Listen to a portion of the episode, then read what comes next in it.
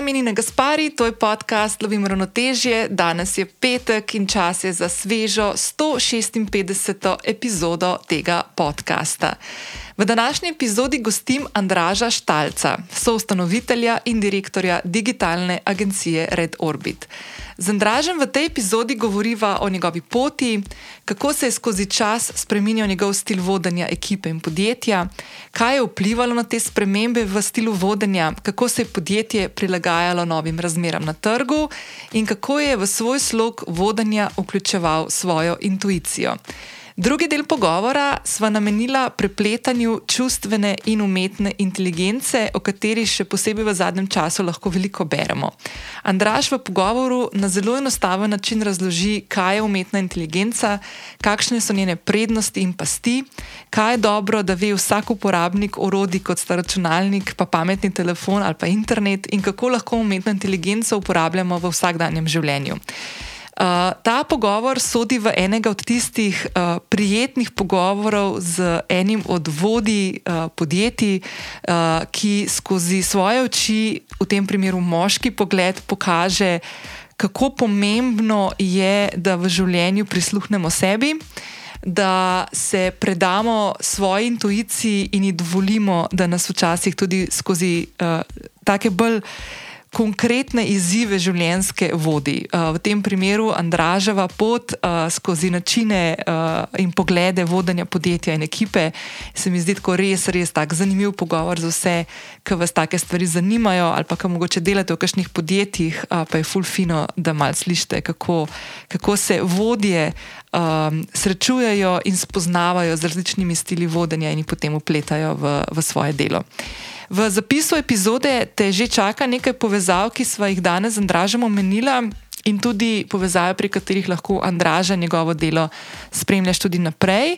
Uh, preden pa skočimo v pogovor, Vas vabim, da če še niste prijavljeni na podcast Lovim ravnoteže, pa vam je všeč in ga radi poslušate, uh, vas vabim, da se nam prijavite v mobilni aplikaciji, pri kateri običajno poslušate podcaste. S tem meni, kot ustvarjalki podcasta, pomagate, da za te vsebine, ki jih pripravljam, vsak teden sliši večje število ljudi in s tem, ko se krepi občinstvo, imam tudi jaz priložnost na podcast povabiti zanimive uh, sogovornice in sogovornike, kot je tudi današnji gost. In kot vedno se mi lahko kadarkoli javiš na zasebno sporočilo, to lahko narediš prek Instagrama, ker ti bom tam najhitreje odgovorila.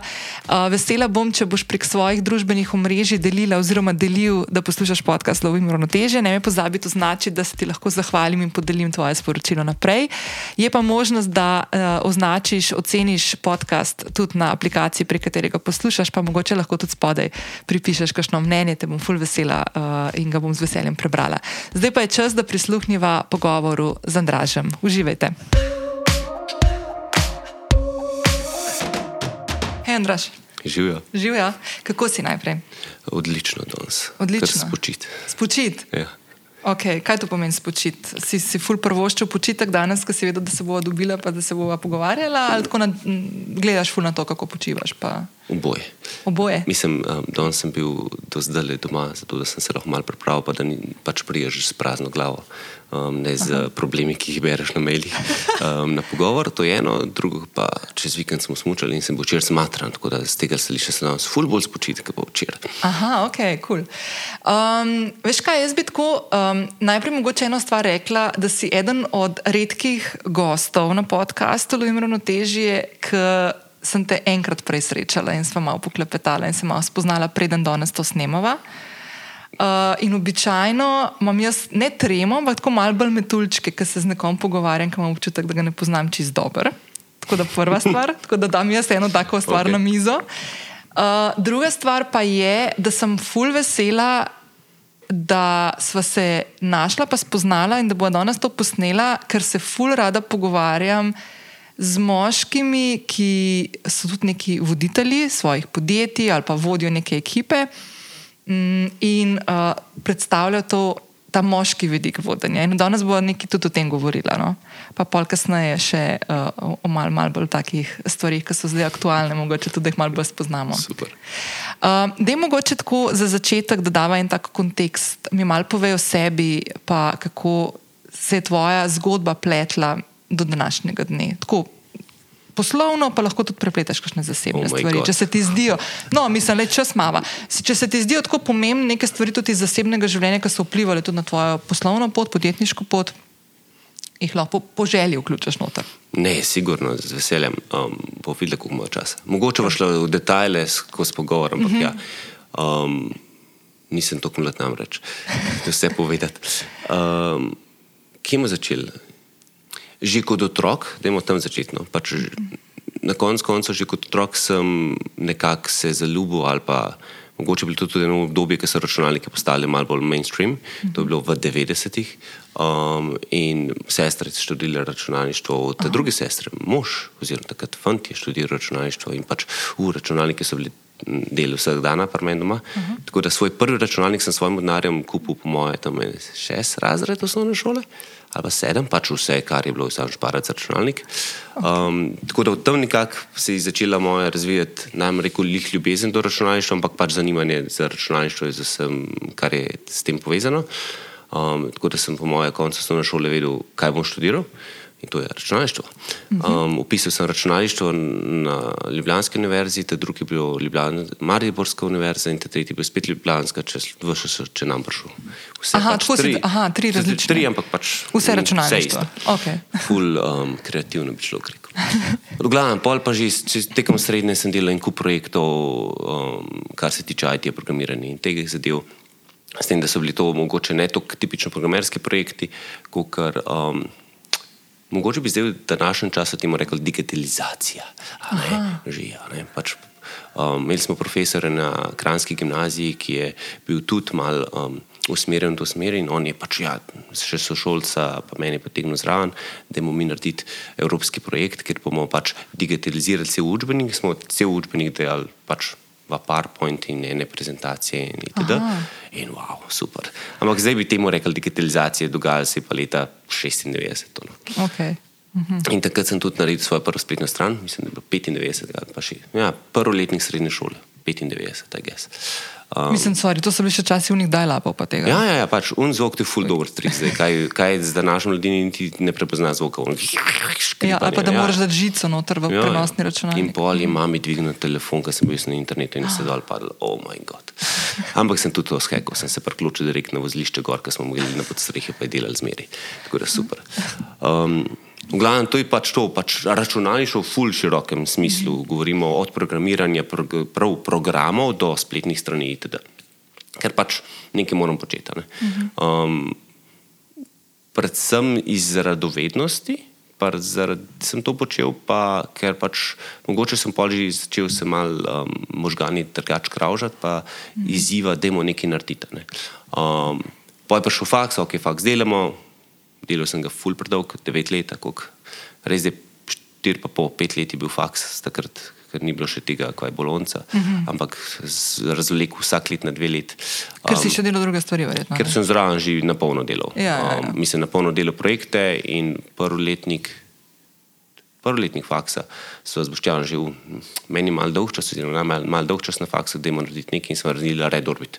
A že takrat? Ja, to je bilo 2000, 2001, 2002, ampak ja, kaj bomo pa delali, ne vem, le, nekaj bomo, ker nam je dolg čas, pa smo začeli malo programirati. Od blagajen za trgovine do spletnih strani, da čist, pač študentska zadeva, ampak ime smo pa že imeli.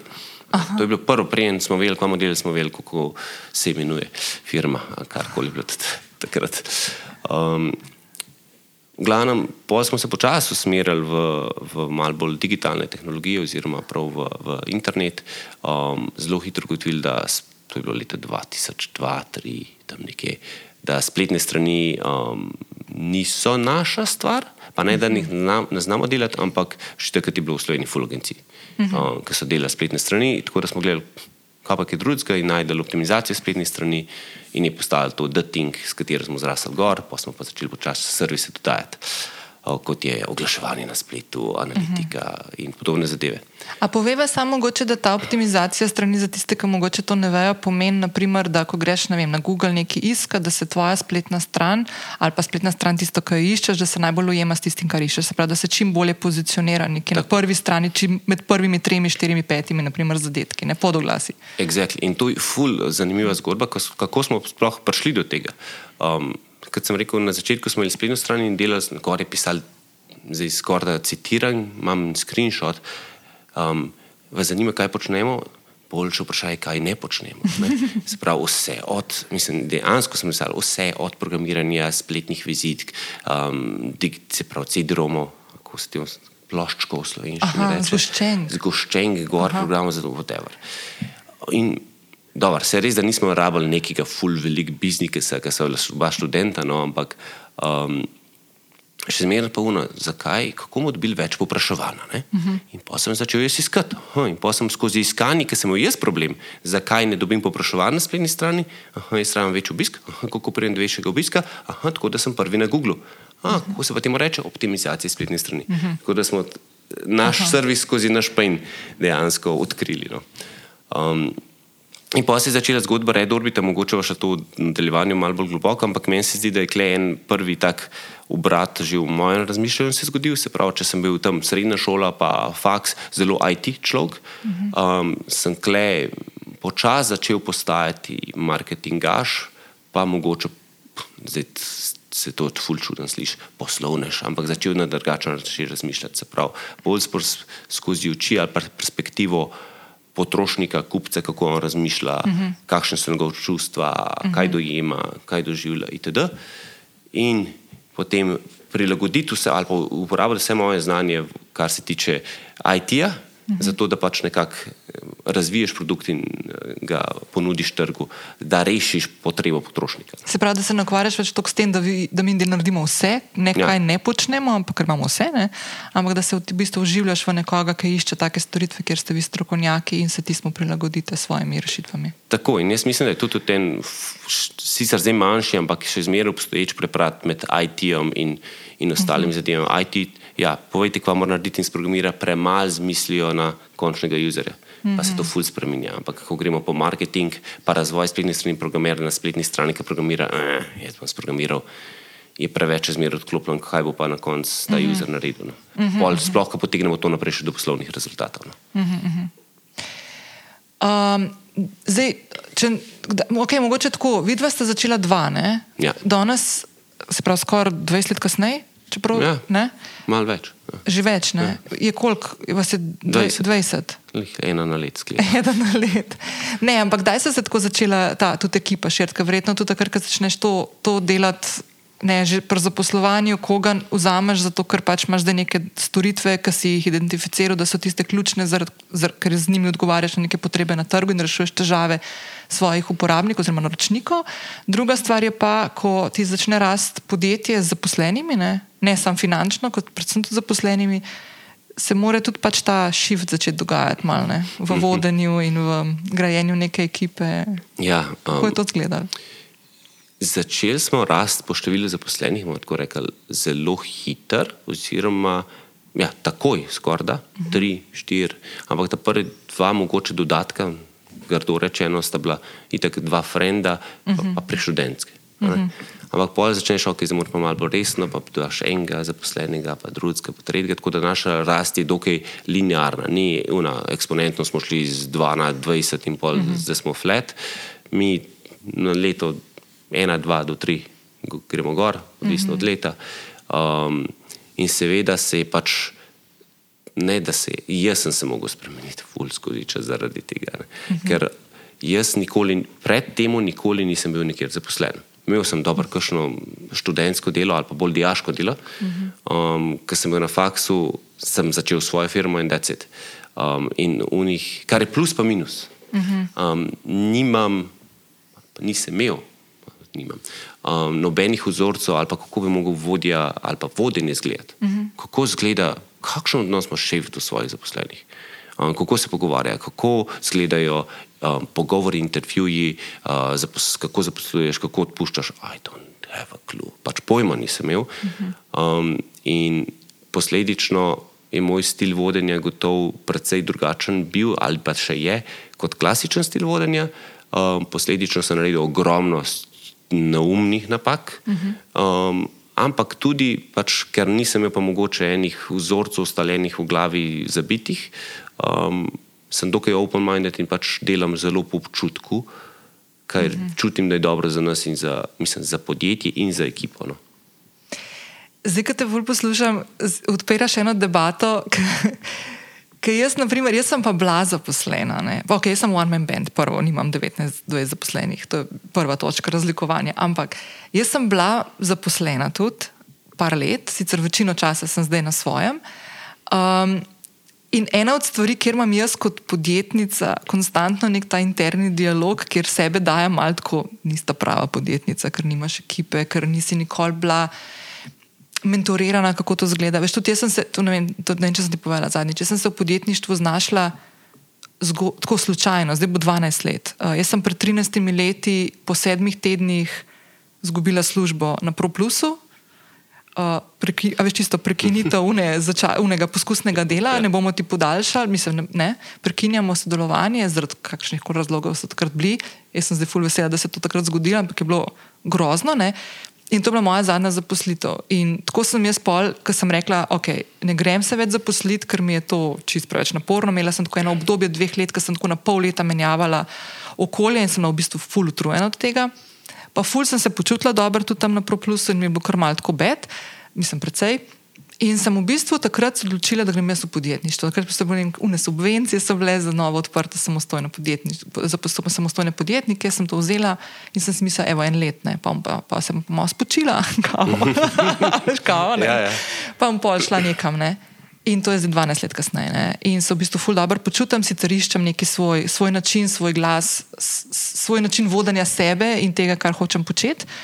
Ampak se mi zdi ful zanimiv to, kar si zdaj rekel, ko v bistvu hodiš po poti in se skozi napake in skozi uspehe učiš. In kar mi je ful všeč, kar si rekel, pa bi te zdaj malo več vprašal o tem, zaupaš svoji intuiciji, ker jaz se tudi na to ful zanašam, ker nimam tega znanja, kako naj bi nekaj izgledal, pa tudi če prebereš knjige, pa vse še drugače. Nimam tega, da bi imela nekoga, ki bi mi rekel, hej, mogoče je bilo pa dobro, da v tem trenutku razmišljaš, ko se odločaš na to, pa na to, pa na to, pa ta scenarij, pa levo, pa desno, ne? ker ti bo mogoče to v prihodnje prenesel. Mhm. Te tri stvari, ne vem. Ne? V bistvu, ful grem tako zelo po nekem tem notranjem zgibu.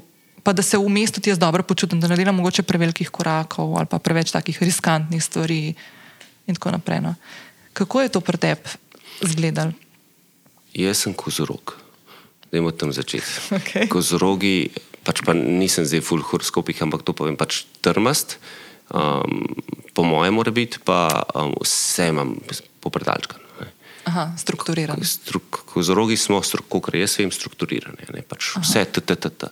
In kozoroga naučiti. Um, pustimo racijo, there is emotion as well, je tako, oh moj bog, res pač, I did learn the hard way.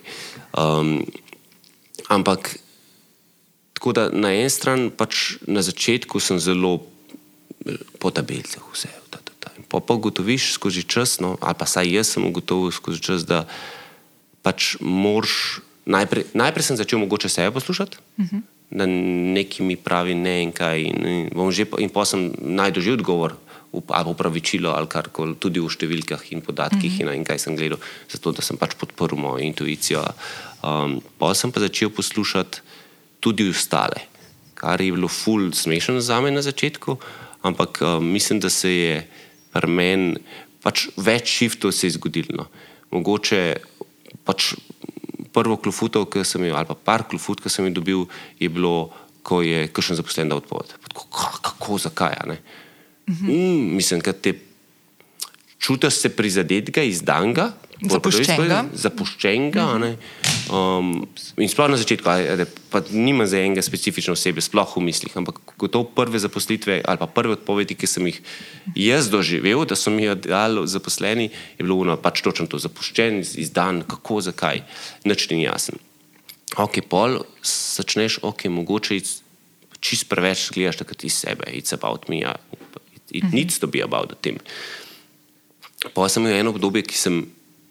Ali pa takrat sem razvil mogoče tudi to, da pač jaz gledam res od takrat dalje skozi bolj, da je ekipa sema dobra in da delamo na tem, ne samo na tem spiritu, na, na res na kvaliteti življenja znotraj Red Orbita. Ker na koncu koncev preživimo v, v, v firmi ali pa na, na delu večino svojega življenja ali pa večino svojega, um, svojih dni.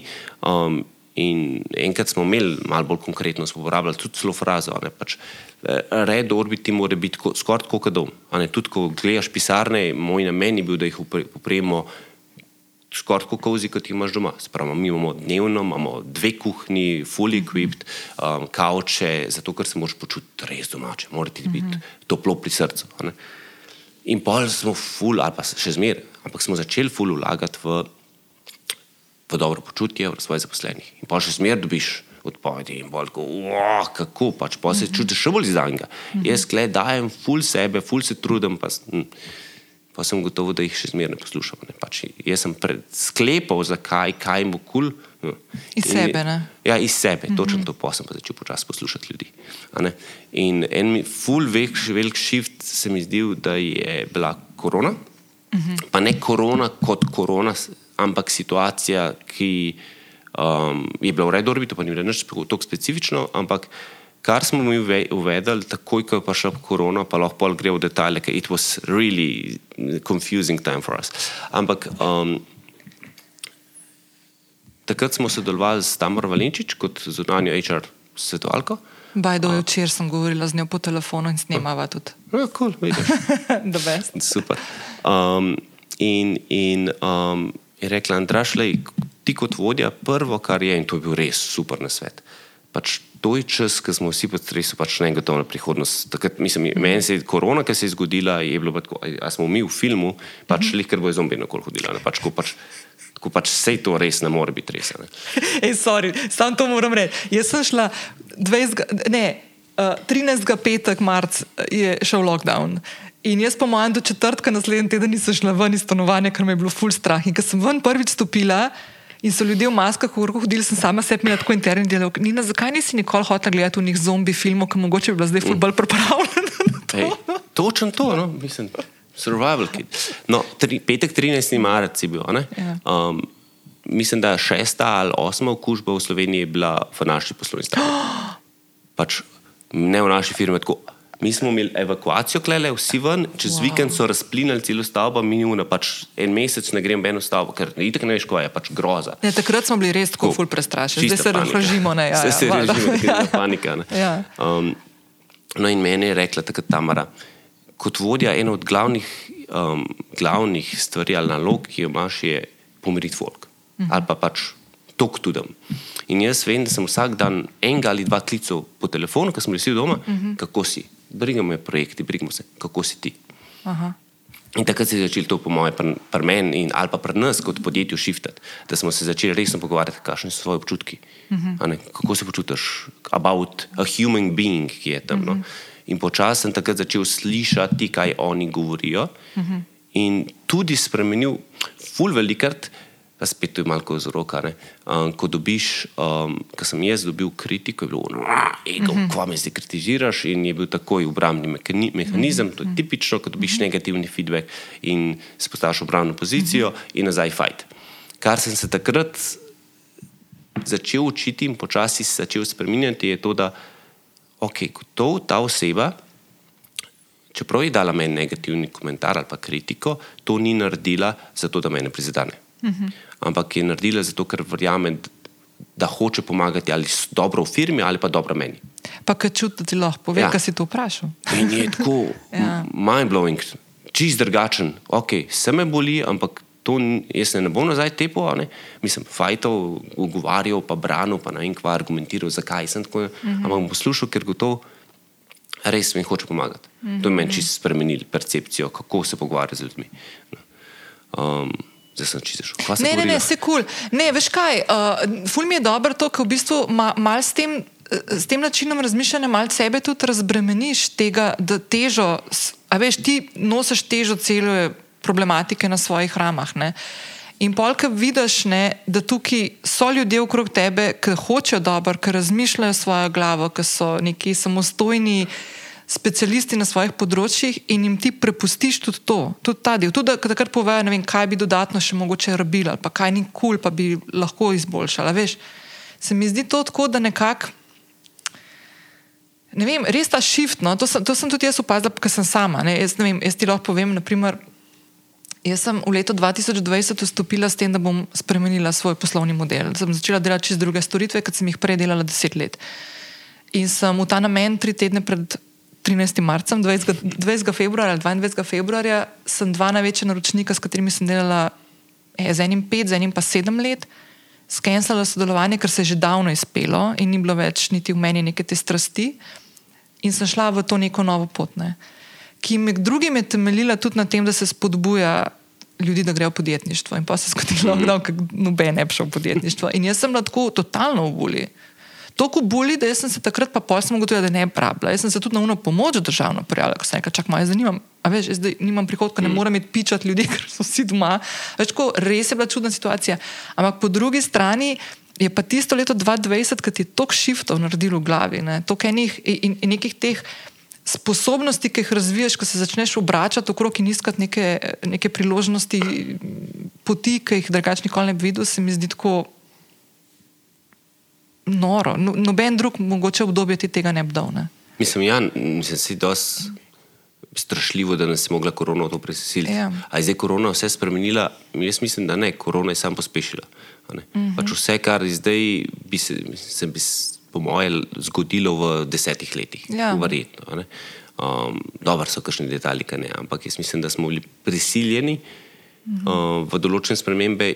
Glavni, glavni šivc je pa zgodil, po mojem, vsaj pri dostim številu ljudi, no, um, da so se mogoče malo, upam, da zazrli vase. Da pač ta mhm dvig zavedanja o samem sebi in mal ta energy, mm -hmm. emotions, da, da ni una. Prej bila štanca, no? prej je bila una blaginja, rasemo tu, tu, tu, tu, tu, tu, tu. tu. Mm -hmm. In se mi zdi, da smo malo tudi izgubili stik, ne namreč z realnostjo, ampak stik z same sa, seboj, pa s tem, mm -hmm. da se ustaviš in pogledaš, kaj sploh delam zakaj to delam, a uživam v tem.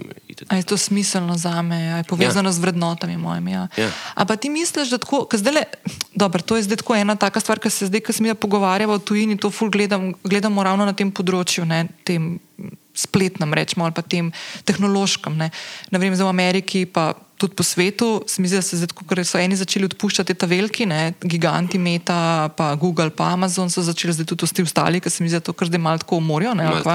Ja, je mal trend, je treba biti zdaj na tem oblaku. Ne.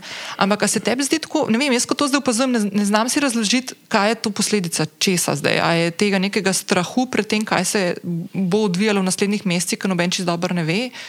Um, ali je to to, ker so ful zaposlovali, ker je bilo vmes toliko enega zgubljanja služb in, in so iskali ljudi, uh, pa je bilo bad, bad planning. Ali mogoče, a se mogoče ukinjajo kakšne stvari, ki smo mogoče, pa grejo zdaj na kakšne, pa bova se pol dotaknila tudi teh umetnih inteligenc, pa to, a se kakšne stvari tako res uh, robotizirajo, pa mogoče kakšnih ljudi ne rabaš, a se selijo te ljudje, kot so se ne vem pred. Par desetletij, ko so se te veš, uh, tovarne selile na Kitajsko, pa se zdaj selijo vem, te tehnološke stvari v druge konce sveta. Se, kaj, kako, kako ti to opazuješ? To v bistvu je tvoj sektor. Ne? Mislim, ja, je. Pa, mislim, jaz mislim, da nihče razen unih interno menedžmenta ne ve točno vseh mm -hmm. razlogov, zdaj cunanje opazovalc lahko komentira, kako pač mm -hmm. vidi. Jaz mislim, da je kombinacija vsega. Mm -hmm. um, mali kapitalizem. No, to mislim, sem pozabil omeniti. Ja, konc, konc, konc. Mislim, aj kapitalizem slab, ja, pa ne. ne? Mm -hmm. Mislim, pretiran kapitalizem, absolutno, vemo pa, da tudi čisti socializem tudi ni mm -hmm. ideal, kar nekje in between je. Uh, um, gotovo prav. Ampak um, zdaj govorimo o Googlu, pa Microsoftu, da si ti že mhm. povedal, pa Facebook itd. Jaz mislim, da tako, pač, zdaj so to res moje čiste ocene. Mm -hmm. Google služi gotovo 80% denarja iz oglaševanja na YouTubu, pa iz oglaševanja na Google Searchu. Pa, mm -hmm. dobro, pa še Google prikazno mrežje, se pravi mm -hmm. iz oglasov. Um, zato, da oni zaslužijo ta denar, po moje, potrebuje na pamet 30% delovne sile. Uh -huh. Vseh ostalih 70% je zaposlenih na novih inovativnih tehnologijah, projektih, ki razvijajo nekaj, kar mogoče enkrat v prihodnosti bo pa mogoče nekaj prenesel. Uh -huh. Ker to so pametni, pa to ni Google sam, vse Facebook isto dela, pa Microsoft isto dela, pa Apple isto dela. Uh -huh. To so pametni, da vejo, da od tega, kar zdaj le služijo, čez 10, 15, 20 let ne bojo mogli več dobro služiti. Morajo nekaj novega najti. Ne? Uh -huh.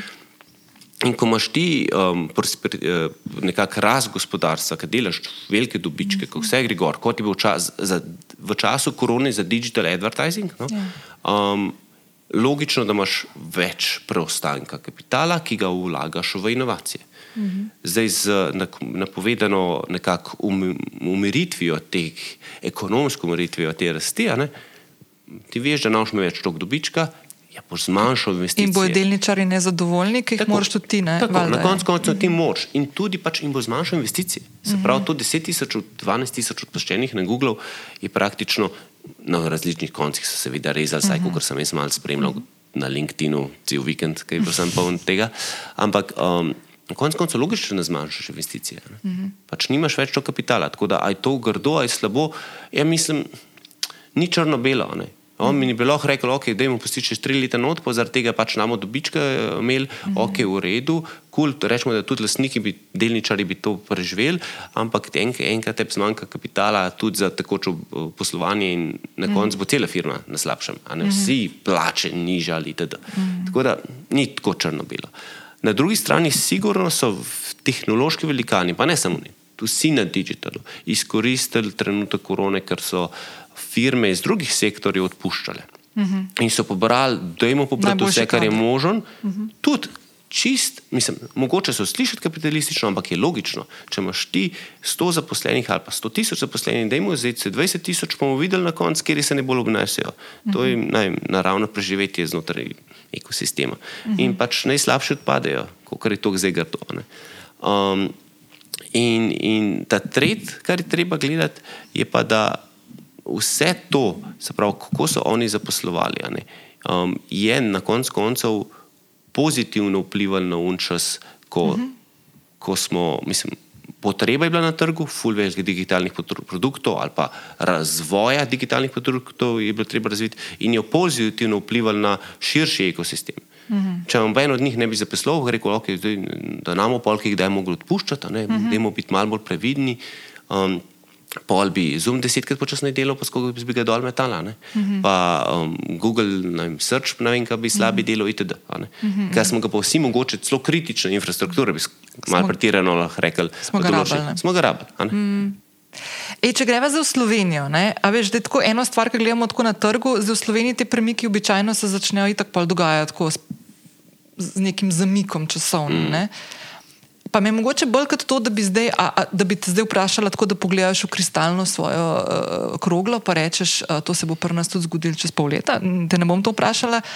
Ampak, kje se tebi zdi, da so tiste stvari, ki so se v zadnjih treh letih, tudi v času, predvsem zaradi časa COVID-a, ko smo bili v lockdownu, zgodile v Sloveniji, v nekih um, preslovencih, pa slovenkah, pri dojemanju spleta. Kje so tiste stvari, ki jih ti, na primer, ocenjuješ kot pozitivne? Mislim, jaz mislim, da v zadnjih treh letih je prišlo do tega, da je splet, internet spoznalo večje število slovencev, fuldar mm -hmm. se sliši. Hočem reči, da um, internet shopping, se pravi nahovanje preko spleta, pa uporaba res ne lih sam Google, no, malo bolj mhm. naprednih digitalnih tehnologij, je bila omejena na manjšo število ljudi, ali pa manj ljudi v Sloveniji. To mm -hmm. potrebovalo, pa plus zanimalo. Se pravi, korona in lockdown in vse to je prisililo skoraj splošno populacijo, da je take it or leave it, pač prisiljen si v to in moraš, moraš poznati Zoom ali pa Teams ali pa Google Meet, pa moraš uh, preko spleta nakupovati, ker pač trgovine so zaprte. Se pravi, posledično, jaz mislim, da se je digitalna pismenost ful povečala v Sloveniji zaradi tega. Uh mhm. -huh. In to je pozitivna stvar. Um, in tudi naučili so se na eni strani ljudje, na drugi strani pa tudi rekel, firme in management, da hm, digital ima pa mogoče določene prednosti, ima tudi slabosti. Uh -huh. Namo se iskreno, ima slabosti, ampak ima določene tudi prednosti, ki jih lahko vsi, grdo rečeno, izkoristimo ali pa uporabimo, zato da pač je naše življenje lažje. Ker na koncu koncev jaz na digital gledam iz tega, ali pa moja vizija. Red orbita in kakšna je vloga red orbita pri razvoju digitala, ni, da ima ena firma povečati dobiček. Mhm. To je posledica na koncu. Seveda delamo za naše kliente, ampak moje, mislim, da dolgoročno najbolj uspešni projekti tehnologije da so tiste, ki imajo v, v prvem planu, kako jaz lahko olajšam posamezniku ali pa moje ciljne javnosti, ki jih targetiram, um, življenje, kako izboljšam kvaliteto življenja. Uh mhm. -huh. In digitalne tehnologije so kle super. A znamo vsi zdaj to uporabljati, niti približene.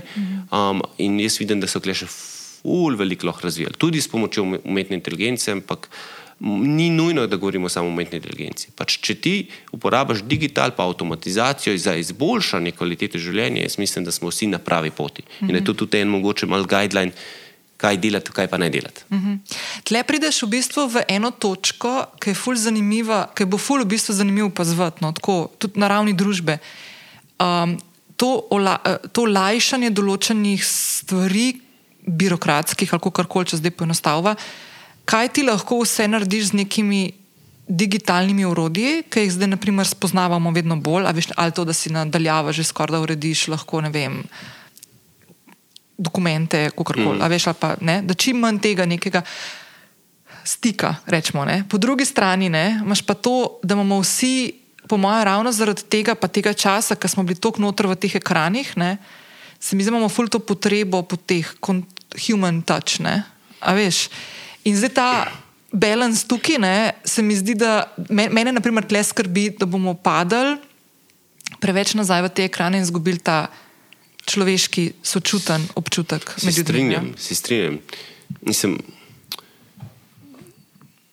mogoče je en tak ful lep primer, kako se je to zgodilo na, na, na nas. pravi, Vsi mislijo, v, vse, kar je povezano z digitalom, je po času korone rasel, eksplodiral. itd. Um, mi organiziramo vsak let Inorbit konferenco. Inorbit konferenca je pač konferenca o naprednih digitalnih tehnologijah, predvsem usmerjena v marketing, ampak s poudarkom, kako svoje poslovanje dig- prenesti na splet. Se pravi, kako preko digitala lahko ti več zaslužiš, boš dosežeš svoje ciljne javnosti in podobno. In mislim, da 2020 je bila korona. Uh -huh. 2020 bi mogla biti, mislim, da šesta edicija. To je pač, pa še tako, to je mednarodna konferenca. Organiziramo v Portorožu, uh -huh. 650, se pravi 2019, 650 ljudi, uh -huh. um, 50 speakerjev iz, wow. iz Avstralije do Amerike, se pravi across the world in 25 različnih držav. 2019, super, 2020 mi splaniramo še malo večje, še malo več speakerjev, full the best bo. Um, konferenca bi mogla biti um, 18. in 19. marec, da bomo tam začeti. In 13. ga, ne, ah, ah, lockdown, mi pa konferenco čez manj kot en teden, Wow. mednarodno. In um, v enem tednu smo jo mogli spraviti na online. In smo jo spravili. Celo konferenco se je odvila na online, pač pet dni, koliko je delovni, imaš manj kot pet dni delovni. Mm -hmm. um, ampak zakaj sem prevlekel to konferenco? ne? Um, ker se mi zdi, da se je pos, biznis tukaj, ali pa biznis dojemanja ljudi tukaj si spremenil. Se pravi, prej smo vse, vsi smo imeli, ja, gremo na konferenco, uf, pa smo bili vsi na ekranih. Mi smo organizirali to konferenco, ok, in pa smo se vsi tudi navadili, na, da imamo sestanke na Zoomu, pa na Micih, mm -hmm. pa Teamsih in podobne zadeve. In se dejansko ta odklop zgodil, zdaj se pa nimam stika, pa se mi zdi, da je premalo ljudi celo pogledali vase, pa se zavedali tega. Ne? Um, underlying se je to dogajalo, psihološka raven, sigurno se je to poznalo, mogoče to ni tako ven sekalo pri posameznikih, ker se niso dosti posvetili temu. Ampak jaz se zelo strinjam s tabo, če bi to šli naprej, če bomo šli v to smer naprej, to bo imelo mm -hmm. full velik impact na družbo kot celoto. Mm -hmm. Hvala Bogu se pol.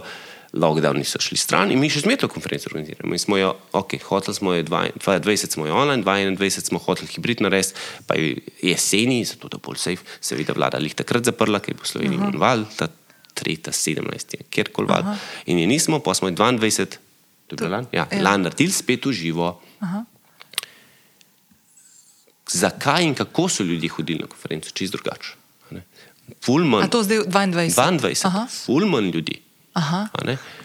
A je šli to ta, ki si rekla, u, ljudje pogrešajo stike. Uh, ja, Ali pa so moj- se malo razvadili biti tudi doma. Ampak smo se tudi razvajali Ja, biti ja, ja. doma. a ne. Pa Pol se dotaknete drugega, ki mislim, da je ful pomemben aspekt. Je, um, nam reko digitalna pismenost, ampak znanje, talent management, razvoj uh -huh. kadrov, kompetenca. Uh -huh. Vsi smo se navadili med korono, ja, prej si hodil na konference, pa na seminarje, med korono si šel pa na Udemy, uh -huh. wow, wow, le, ali pa na YouTube. YouTube za ston 30 minut pogledam pa znam, v CV, LinkedIn, ki sem ga odkril, dodam, zdaj sem pa strokovnjak za to. Mal rugam, ampak reality ni deleč od tega. ne. Ali pa na UDM-ju plačam 19 evrov za en kurs, pa sem strokovnjak. In se je full nivo znanja na eni strani znižal, full strokovnjaka imamo za vse, pa dejansko brez delovnih izkušenj pogledali so en kurs. Um, ta drugo, kar je pa polena, smo se. Zakaj bi jaz zdaj hodil na izobraževanje, zakaj bi se trudil, zakaj bi v službi, če mi plača delo kurs za neki, če jaz lahko doma malo tam mal pogledam, medtem kalikam uh -huh. en YouTube, pa da se ta. Um, in klej bomo imeli velike probleme. No in tudi zaradi tega, ja, pač 22 manjše število udeležencev, ker se mi zdi, da ljudje pač malo se jim da. Oni, ki so prišli, ful bolj več, velik mm -hmm. impact, kar se tiče networka, ful več je bilo mm -hmm. tega. Letos pričakujemo, da je bo spet več. Mislim, saj trenutno kaže, da bomo šli ful gor. Mm -hmm. um, tudi 22 smo imeli probleme, pač tujci še zmer um, potovali, bojo, ne bojo. Mm -hmm. Letos je več kot 50% tudi tujcev. Čakaj, da imate zdaj pomladi ali je marca? Marca prav, tudi. 16-17 marca. Aha, okay. um, Ampak, hočem reči, počasi mislim, da gremo nazaj to, um, da se moramo družiti. Ne? In kaj klej je ena rdeča nit v zadnji, je pa to talent management, oziroma bolj kot talent management je razvoj kompetence. Um, Zanj sem bil prejšnji teden na um, srečanju od MČM-a, pa mislim, da združen menedžer tudi uh -huh. ful podobno um, tematiko v zadnjem govarja. Mi v Sloveniji nimamo več kadrov. Pustimo brezposelnost, je najnižja v zgodovini, zaposlovanje je zaposlovati je nemogoče, balkanski bazen se je tudi spraznil, se pravi, da bi iz primere ali kogarkoli dobili iz uh, Srbije, Hrvaške pozabi. Da, slišal sem podatek, da lansko leto je na Hrvaškem delo 50 tisoč Filipincev. Oh, Ker Hrvati nimajo več Filipincev. Vse smo jih videli, se, če šel v hotel, si videl, da je jazic. Pa v, ol, vse je v redu, pa če jaz furat potujem, tako da sploh nimam problema s tem.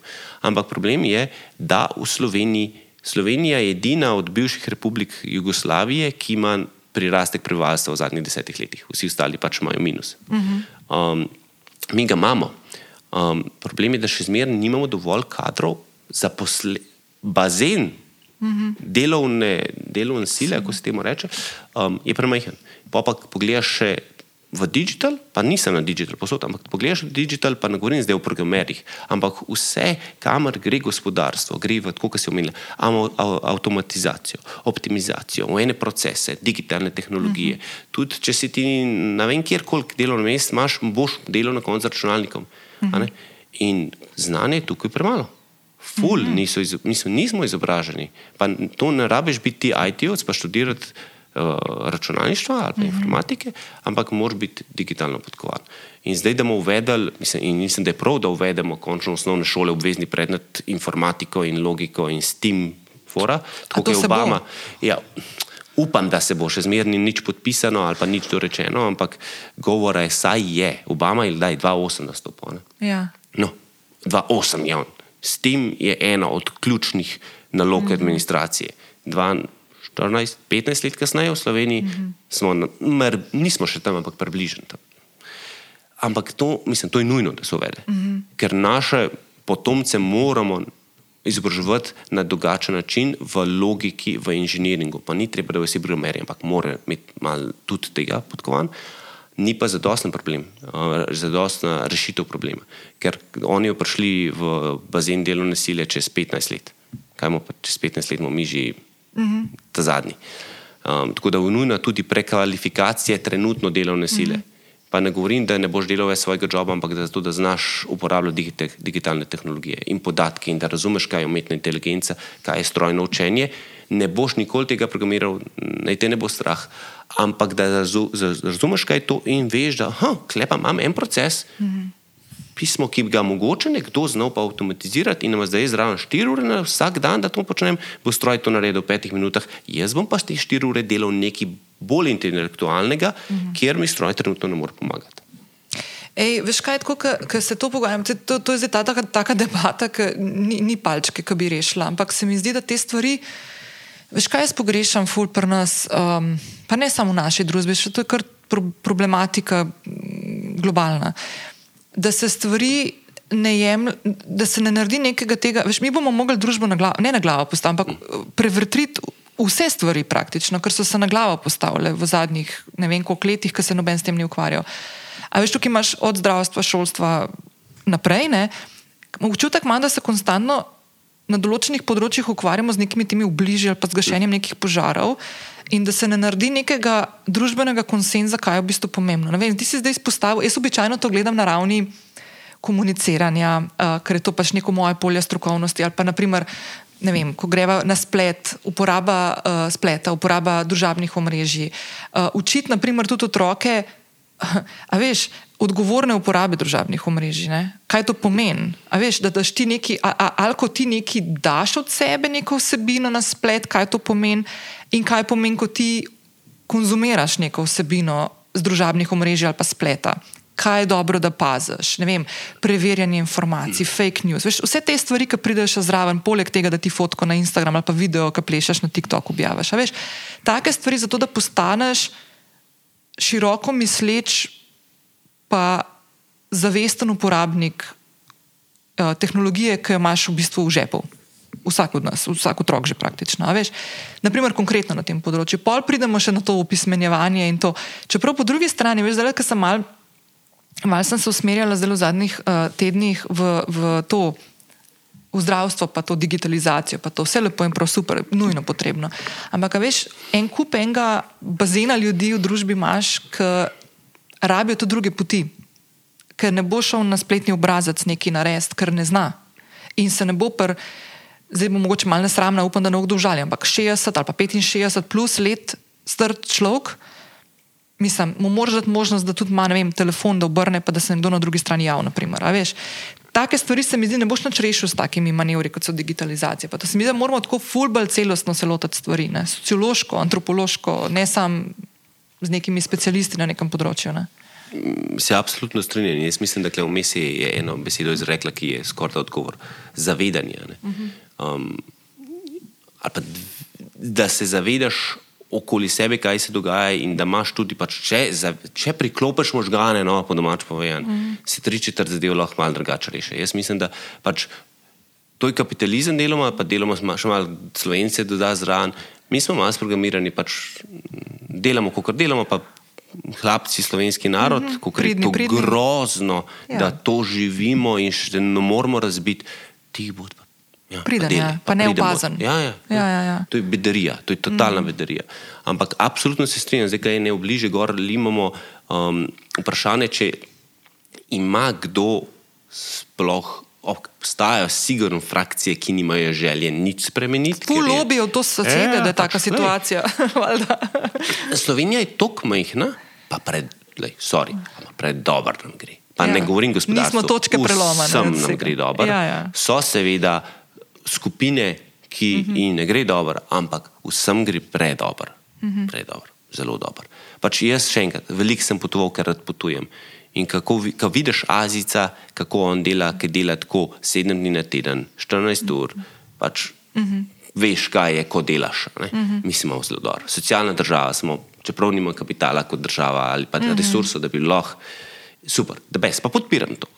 Ampak um, če bi imeli mi full krizo, bi se, malo se kaj zgodilo. Uh -huh. Ono je pa kar kul. No. Ampak ni žalostno, da moraš neki to spet. A veš, kaj smo že kakšno krizo tudi imeli. Pa se mi zdi tako včasih.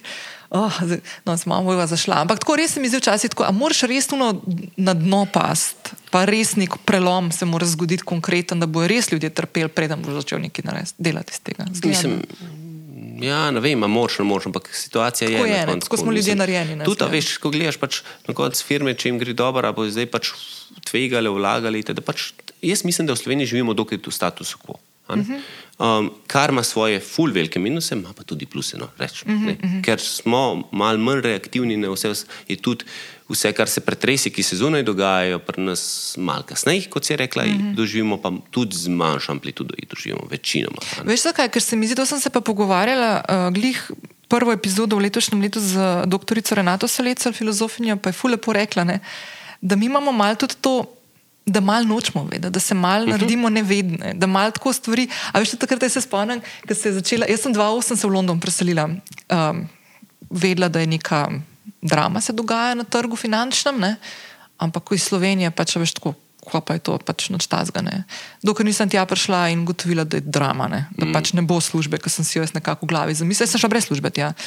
Pustila službo tukaj, redno plačo, nedoločen čas, pogodbo pa to ne. In šla pač probat, ker sem dobila nek, neko priložnost, da imam v Londonu eno sobo mm. za najet, dokaj ugodno. Ker pa je bila draga, ker nisem imela službe. okay. Ampak jaz sem pol leta bila tam, ne, zdržala. 30 sem bila stara takrat, uh, nisem bila več najbolj tako, da bi zdaj pa tam ha, šla haslat kot neka 20-letnica. Ne. In sem mislila, to res mi ni treba. V Sloveniji je tako res lahko full z manj drekarije, ne? Res lepo živim. Ne? In sem šla po pol leta nazaj. In sem prišla nazaj in sem opazovala to v Sloveniji iz, iz perspektive nekoga, ki je prišel iz finančne, svetovne finančne prestolnice, kjer sem gledala in opazovala. Koliko ljudi vsak dan je izgubil službo, pol leta so samo o tem se pogovarjali, uh, samomori, ki so v tem skakali z mostov. Mislim, grozen, tako res je bila drama. In pa prijem sem in Balon. črički, a veš. Uh -huh. Pa še več, ne, ti smo ljudi, ne vem, kjer politik je to rekel, če ni bil celo ta zadnji predsednik države zdaj, ki je rekel, kriza, svetov, finančna kriza Slovenije ne bo dosegla. Mislim, kva? a veš, tako, da bi rekel, COVID pa k nam ne bo prišel, ja, ja. vsi ga bodo dobili. Ne. Ni to tako, ne? in mislim, imamo občutek, da imamo ta nek ne vem, da bi neko varovalko, ki se hočemo ali zaščititi, ali biti da, res neko to strast do tega, ne, da ne vemo, da se malo distanciramo od tega. Mi, pa, mi smo pa nekaj posebenega in to ne bo za nas. Ja. Ne? Mislim, ampak zgubljamo pa tudi hkrati ful. ful. Mislim, uh mhm. -huh. Slovenci smo preveč zaprti uh mhm. -huh. kot narod, se to vemo, in ne upamo ven. Tudi zaradi tega spet. Hm, it's good enough. Uh mhm. -huh. Zakaj bi jaz delal 14 ur ali pa haslo, kot si ti rekla, ampak pa šel v tujino, prodaje v tujino, v Sloveniji. Ampak zakaj bi slovenska firma šla eksport? To je ful težko. Pač smo malo preveliki, ne Luksemburg. Ne? Uh -huh. Hunih 14, ki jih je v Luksemburgu živi, uh -huh. malo več, dobro. Ampak pač nimajo druge izbire. V Sloveniji pa, vse, če Slovenijo pokrijem, je dobro. Ja. Prej smo se že malo dotaknili, zdaj tako govorila smo že malo o tvojem načinu vodenja in kako se je skozi čas spremenjal, pa mogoče lahko dava eno tako rdečo nit, pa da tako besedno zvezo čustvene inteligence, da vodiš skozi neke. Skozi svojo intuicijo, ne, da ne gledaš samo ta racijo, del prej si razlagal, tako mhm. vzorok, pa kako se je to spremenilo pri tebi. Pa smo se pa že malo dotaknili tudi te umetne inteligence. Ne. A če vam malo to grizem, ker tole se meni zdi, da je tako je taka tema, ne, da mislim, da še ni, verjetno ni tle poslušalke, pa poslušalce, ki ne bi zdaj v zadnjem času naletel na to besedno zvezo umetna inteligenca. Pa mene v bistvu najprej zanima, kaj hudiče sploh sodi pod umetno inteligenco, če se tako čisto zbanalizirava, pa poenostavlja, pa kako lahko mogoče vsak od nas opazi, da ima del te umetne inteligence že prisoten v svojem vsakdanu, pa se mogoče tega ne zaveda. Ja, to je ful dobro opazovanje. Pač vsi govorimo o umetni inteligenci, uh, mogoče zdaj le sploh splošna javnost se končno srečuje, uh -huh. nekaj se dogaja čeprav je že od začetka korone bilo vsaj na tehnološkem nivoju full govor o umetni inteligenci, pa prihodnost je umetne inteligence, pa pejte vse razvijati. Um, pa mislimo, da se to še nikle. Um, imamo jo pa vsi v žepih, pa vse okoli nas. Je, zdaj, če gremo na definicijo, pa zdaj jaz nisem profesor, ampak ajde, splošna definicija umetne inteligence, po moje, to je rečemo, računalniški sistem, ki je zmožen odločanja in upravljanja vseh nalog, ki jih upravlja drugačen človek in človeški možgani. Um, prav, ne samo predstavljanje stvari levo in desno, ne, kot je robot, ampak zna uporabljati različne signale, presojati. Načeloma inteligencije, zdaj po različnih definicijah, so 4, 7, 12, 15, ne vem koliko različnih inteligenc. Pa ne govorijo zdaj samo o čustveni inteligenci, pa o IQ-ju, pa o umetni inteligenci, ampak uh, um, inteligence imaš ti od tega pač čustveno lahko tudi, in, da si usmerjen vase pa svoje čustva, do medsebojne odnose, do um, inteligenca prepoznavanja oziroma govora, prepoznavanja slike. Uh -huh. Zdaj imamo različne type umetnih inteligenc, ki izhajajo iz tega. Um, ampak vse okoli nas je že to. Ne? Ko vsak, ki uporablja telefon, vzame umetno inteligenco. Uh -huh. uh, se pravi, ko greš ti, ko greš ti na Google, da je v tem začeti, In kaj ti pokaže Google um, kot rezultate tvojega iskanja, je vzadnja umetna inteligenca, ki vsakmu pokaže personalizirane rezultate, ker ve, kaj si ti v preteklosti iskal, kakšne so tvoje navade, kdo si ti, itd. Uh -huh. In bo z namenom izboljšanja kvalitete rezultatov vse to pošteval in ti dal um, uh, prilagojene rezultate, ki so posledice umetne inteligence. ne. Temu mi pot- po- včasih rečemo algoritmi. Ne? Algoritmi Mislim, to, saj- ampak v bistvu je to na koncu? Algoritmi, algoritem je program, Ja. ne. Zdaj pa, ali se program sam uči, samo od sebe uči, potem, ume- potem je strojno učenje oziroma umetna inteligenca. Umetna inteligenca je širši pojem kot strojno učenje, ampak nama je komplicirano. Uh -huh. Če pa algoritem napiše Andraš kot programer, uh -huh. ki je fiksen, točno to nadela, pa, pa to ni umetna inteligenca, uh -huh. potem je pa klasični program oziroma algoritem, ki Ki je je naučen, statično. sam, sam ena stvar Ja. zna delati. a ne. Mhm, Kot bi rekla levo-desno, naprimer, poenostavljeno. je. Okay, okay. Um, kaj še prim, primer umetne inteligence? A je naprimer to primer, to sem zanjala v enem pogovoru. Naprimer, jaz, ki zdaj nimam avta in uporabljam Google Maps, naprimer, ne? In večino krat, ko grem na Google Maps, izberem uh, javni prevoz. In potem, naprimer, se usedem v avto od mojega partnerja in odprem Google Maps in mi že avtomatično ponudi trans, Jav- javni promet, zato Ja. ker pač to večinoma Točno to. uporabljam. ne. In moram prenastaviti, naprimer. Tako, Ne, na, Google vem, se je ne. naučil, da pač tipično ti se vozi Ja. z javnim prevozom in ti bo to predlagal. Ja. En vrste umetne inteligence. Ampak uh Mhm. -huh. imamo, je, imamo je ogromno, se pravi, predvsem v um, finančnih sistemih, zaznavanje trendov umetne uh Mhm. -huh. inteligence, oziroma strojno učenje, bolj konkretno. Uh -huh. um, pa dobro, če je GPT, ki bo lahko še prišla, ja, prišla do ja. tega kasneje, je tudi pač tipična umetna inteligenca. Um, slike, prepoznavanje fotk. Mislim, če imate ali Androida ali pa iPhone, če greste v album. v- z- Zna telefon razvrstiti slike po enih skupinah. Uh -huh. Se pravi, uf, na tej slikah je pa ta oseba gor. Uh -huh. vem, pa, če jaz imam zdaj eh, Google phone, pač imam štirko, ki je. In Google zazna n- sam od sebe, na kjer slike se ona pojavlja. In lahko In samo kliknem na album in samo tiste. Gor, uh -huh. Pač to je prepoznavanje slik, uh -huh. ali pa prepoznavanje govora. ne. Se pravi, ko govoriš nekaj, tudi na YouTubu, ful očitno, a ne, ko uh, govoriš nekaj, ali pa v angleščini, predvsem tudi v slovenščini, seveda deluje, um, on prepozna, kaj izgovorim in mi s, um, Podnapis. podnapise daje. Mislim, jaz, ki imam Google telefon, lahko v Sloveniji to ne dela, ampak v tujini, kadar se me kliče tudi telefonska številka, imam tam en gumb, pritisnem in rečem, naj se on z mene javi, oh. ker je neznana številka. In se bo Google pač telefon pogovarjal z glasom, človeškim, ne mojim, ampak pač dokaj človeškim glasom, z osebo na drugi Nehi. strani in se sporočil, jaz bom dobil pa transkript pogovora. Nehi. Ja, da best, super, kaj te kličejo. Ne, mislim, full dobro, kaj si imel Google takrat na predstavitvi tega, a ne, kaj je rekel, da hej Google, nima telefona, si dobro, da se nam javil, hej Google, a ne.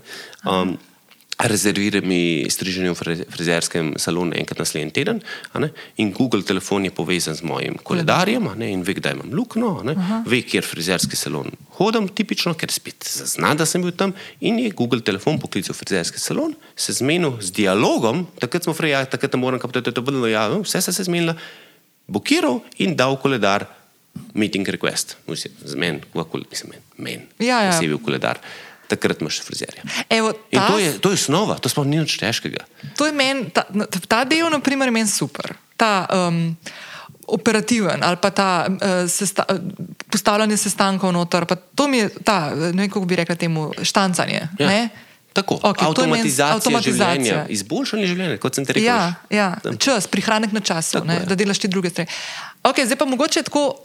Ta chat GPT, ki se zdaj, po mojem, tako ful. Um, pa boš najprej malo povedal, kaj to sploh je. Ampak dej, naj, najprej, najprej mogoče, kaj to je, pa pol bom, bom malo se navezala na to. No. Mislim, če je GPT zdaj zelo aktualno urodje, ki um, strojnega učenja oziroma umetne inteligence, ki vzame tvoj ukaz, ti mu rečeš, te mi napiši pesmico o zajčku in korenčku in ti napiše pesmico o zajčku in korenčku, ki je pač generiral računalnik. Ali pa rečeš, da jim napiši mi um, članek o um, na enkiri molekuli, bla, bla, bla, in kako to vpliva na življenje na Marsu, čist nekaj fikcijskega, in ti bo napisal članek. Lahko mu napišeš, rečeš še bolj kaj kompleksnega, reče, lahko mu rečeš, da mi napiš um, pesmico v stilu, uh, v biblijskem, biblijskem stilu, se pravi, tako kot tam not in ti on tako napiše, ponmo. Ali pa ga vprašaš, vem, ka- kakorkoli, ne vem, kaj je, kaj je korona, pa ti odgovor, se pravi, tudi mm -hmm. splošno vprašanje. Ne. Kaj je v zadju, pač oni so po domač povedali, uh, vzeli vse, kar je na internetu, zelo uh -huh. splošeno zdaj govorim, vzeli kar je na internetu, imajo veliko bazo znanja in tle se računalnik vzati iz tega naučil in ko ga nekaj ti vprašaš, on že v- ponudi najboljši odgovor. Uh -huh. um, vse vzati je pa čist na novo kreirano, se pravi, računalnik generira odgovore. Nikjer uh -huh. to ni copy-paste iz ene spletne strani. ne. Je več, pač naredi nek kontekst, potegne ven Tako. iz različnih virov v Točno neko to. celoto na ukaz, ki si ga ti dal. Naprimer, bolj, ko to segmentiraš, bolj bo v bistvu. Tako. Prilagojen. Bolj, ko si ex, To- fokusiran z vprašanjem, bolj bo tudi on fokusiran z odgovorom. Če si preveč nišen, tudi ne zna odgovoriti. Uh -huh. Ampak je to, kar si dal zelo rekel, kontekstualno računalnik zastop, kaj piše na spletni strani. Uh -huh. To je tudi ena vrsta umetne inteligence, da zastopi, kaj besede pomenijo. Ne samo da beseda pes je pes. A ne, uh -huh. tudi, da imaš igro z besedi, Igra besed, kdaj ja. računalnik zdaj to ne. To je v bistvu ful zanimivo, ker včasih ljudje ne razumejo kakšnih besednih Ja. iger. Naprimer, ne, No, ful, a veš, računalnik imaš je naprim- boljši. Ja, no. okay, zdaj pa ena stvar, ki meni tle. Ki imam jaz, ko gledam, pa še nisem tega uporabljala. Zdaj, ko se razmišljam, da se jaz zdaj že ne vem, par dni zafrkavam z naslednjo kolumno, ki jo pišem, pa v bistvu bi lahko dal. Zakaj ne rečeš? Vidiš? Ampak, veš, tako se mi zdi, da ta, ta del uh, čl človeka, ustvarjalen del, v bistvu, po katerem se ločimo od živali, tudi, ne? da znamo biti kreativni, ustvarjalni in ne? uporabljati svojo glavo tudi zato, da smo radovedni in tako in iščemo neke stvari. Mene ful skrbi ta del, ki te začne, ki naprimer začnejo. Um, Urodja, ki so postavljena na umetni inteligenci, začnejo delati tiste stvari, ki bi človek bilo full fine, da bi še vedno si kravžilo možgane. Ne pa mogoče toliko, da bi šlo v smer, da se nas razbremeni nekih teh birokratskih, ali pa ki ti jemljajo čas, ne, kot si prej omenil, da mi rezervira pri mojem frizerju mm. termin. Ne, da gremo v to smer, to je ena stvar. Druga stvar, ki pa je, ok, tukaj le copyrighti, pa to pa ne bo šlo zdaj v to, ker to po mojem se bo itak s časom mogli tudi to urediti, ne, da kar tam vzame pesem nekoga drugega, pa potegne noter, mislim, tle tudi po mojem ali tako ne. Ne, ampak druga stvar, ki je, ne, da mi zadnja leta, mogoče desetletja že, živimo v porastu tudi enih, enega kupa enih dezinformacij, ki so postala v bistvu ful močna urodja, tudi konc koncev politična. Ne. To ful lepo opazovali, tudi že na- pri nas. Ne. Ja. To lahko gledamo vsak dan, ne, kako v bistvu te moje resnica, ne, besede, ne, uh, pelajo cele kampanje in usmerjajo ljudi v neke, v neke odločitve. Ne. Kako zdaj, na primer, narediti to, da boš ti uporabljal tako urodje, kot je Chat GPT, in ne boš noter potegnil, naprimer, informacij, ki so z nekih škatljivih virov na internetu. Ne? A veš? Ja, ja. Mislim, absolutno se strinjam. Pač obstaja velik strah na splošno pred umetno inteligenco, da moramo reči. Um, Tle se že dotika pol, ki je limit, pa malo filozofske debate. Uh -huh. Ampak tudi velik strah znotraj tega je pa kaj ta fake news. Uh -huh. Jaz mislim, da fake news je takrat z, z Trumpom, pa pol, posledično tudi kaj se v Sloveniji dogaja, pa Cambridge Analytica dobil. Uh -huh. Um, končno tako spotlight, da se to uh -huh. dogaja. ne. Uh, in prav, da se to zavedamo, to se absolutno strinjam. Ali bo zdaj umetna inteligenca um, pripomogla, škodila temu? Ja, klej, absolutno obstaja bojazen. Mislim, ko pa mene zdaj stane, da začnem jaz z eh, računalnikom tvoriti tone in tisoče člankov, dezinformacij in plasirati naokoli. Mm -hmm. I can do that. Mm -hmm. um, tako da en nadzor nad tem vsekakor mora biti. Konkretno, če GPT je nadzorovana umetna inteligenca, tako da tam imamo. Obstaja nenadzorovano, strojno učenje pa nadzorovano. Mm. Pustimo zdaj detajle, tehnične, Aha. ampak um, absolutno pa ti lahko uporabljaš metode umetne inteligence, da začneš ti namenoma daš kot vir informacij nekaj, kar ti hočeš fake news vendati, mm -hmm. in ti izgenerira tisoče fake news člankov. Vse to se verjetno že dogaja. To ne? se sigurno to se že dogaja. Mislim, to, časa, tudi Twitter računi za Trumpa in za uh -huh. vse ostale, ki so se odpirali s Cambridge Analytica, jih je Ben Indic ali Angliš ni na roke odpiral. je bilo stroj, ki jih je tisoč odprl. a ne. V to bom dala, veš kaj, bom dala jaz v zapis epizode en podcast, ki je bil, uh, niz podcast epizod, ki je bil narejen na podkastu pod črto, ki so v bistvu raziskovali v Sloveniji Twitter račune, uh -huh. ki so bili povezani s farmami trolov na polskem. Uh -huh. Naprimer, no? Evo, čistko It's za for. To se posod dogaja. Ja, ja. Um, tako da, ali bo zdaj umetna inteligenca in obstoj umetne inteligence in rodja, ki so zdaj pač bolj dosegljiva vsakemu, um, škodili in bo šlo še bolj v napačno smer, ja, teoriji, oziroma tudi v praksi, to se lahko zgodi in se verjetno bo zgodilo. Mm. Ali lahko to prepričamo? Ne, ne moramo, konc debate. Um, po mojem, mislim, lahko ugasnemo, pa prepovemo zakoni o umetni inteligenci, pa se bo tam nekje na enem črnem trgu še zmeraj ja. dogajalo. Um, tako da jaz mislim, da to ni rešitev. Jaz mislim, da je rešitev spet o zavedanju pa priklopu možganov. Mislim, sorry, mm -hmm. ali je zdaj to računalnik zgeneriral fake news, ali je novinar podkupljen ali ne podkupljen, zgeneriral fake news, ali pa ne vem kdo, it doesn't really matter. Mm -hmm. Mislim, da pač, če prežgeš možgane in postaviš malo bolj kritičen in se zavedaš, kaj se okoli sebe dogaja, boš si lažje ugotovil, to je res, to pa malo za lase prevleče. Mm -hmm. In ljudje smo intelektualna bitja, tako kot si prej rekla. Mm -hmm. Zdaj nam bo stroj vzel kreativnost. Mislim, stroj bo kreativen, to ne pomeni, da mi ne smemo biti. Mm -hmm. In se razlikujemo od živali, potem, da pač znamo razmišljati. Dajmo začeti razmišljati. Mm -hmm. Ker ne umetna inteligenca, ampak sami smo se prišli, pripeljali do točke, kjer čist premalo uporabljamo možgane. Mm -hmm, no, sej, pa, kar, kar preberem, ja, polino, ja. kar preberem, je res, da je mhm. seriously. No. Ne, ampak le se vračava na tisto, ne, tudi v to, da, da se v naš izobraževalni sistem začne že otroke učiti. Se tle zdaj vprašanje, koliko v bistvu je država v interesu, da ima na koncu uh, široko razmišljajoče ljudi. Ne? Jaz mislim, da vsaka ne. država hoče imeti kakšne ovčke, ki jih bo lahko usmerjala, ampak ok. mislim, v interesu, sigurno je v interesu. Bi mogel biti, ne, valjda. Ne, ne, v interesu politike in tudi v kateri gospodarski sferi imeti ovce. Ja, ja, ja, kar so lažje upravljati. Ja, ja.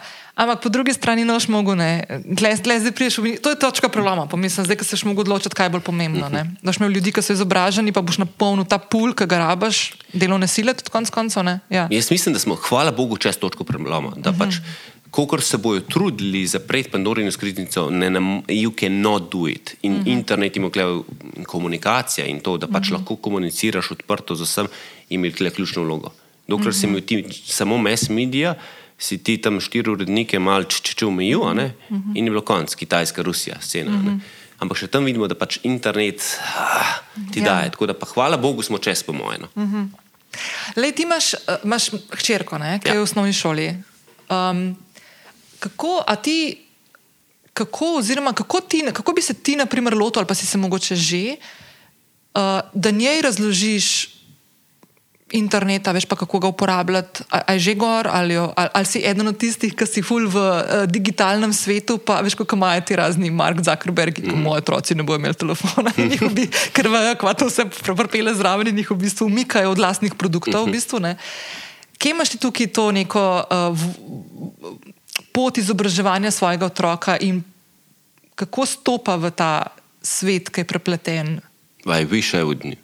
Veš, ne, pojma nimam. Um, spet je intuicija, odgovor. Pač nimam, pa je grozno slišati, ampak nimam odgovora ali pa formule, kako jo izobraževati pri tem.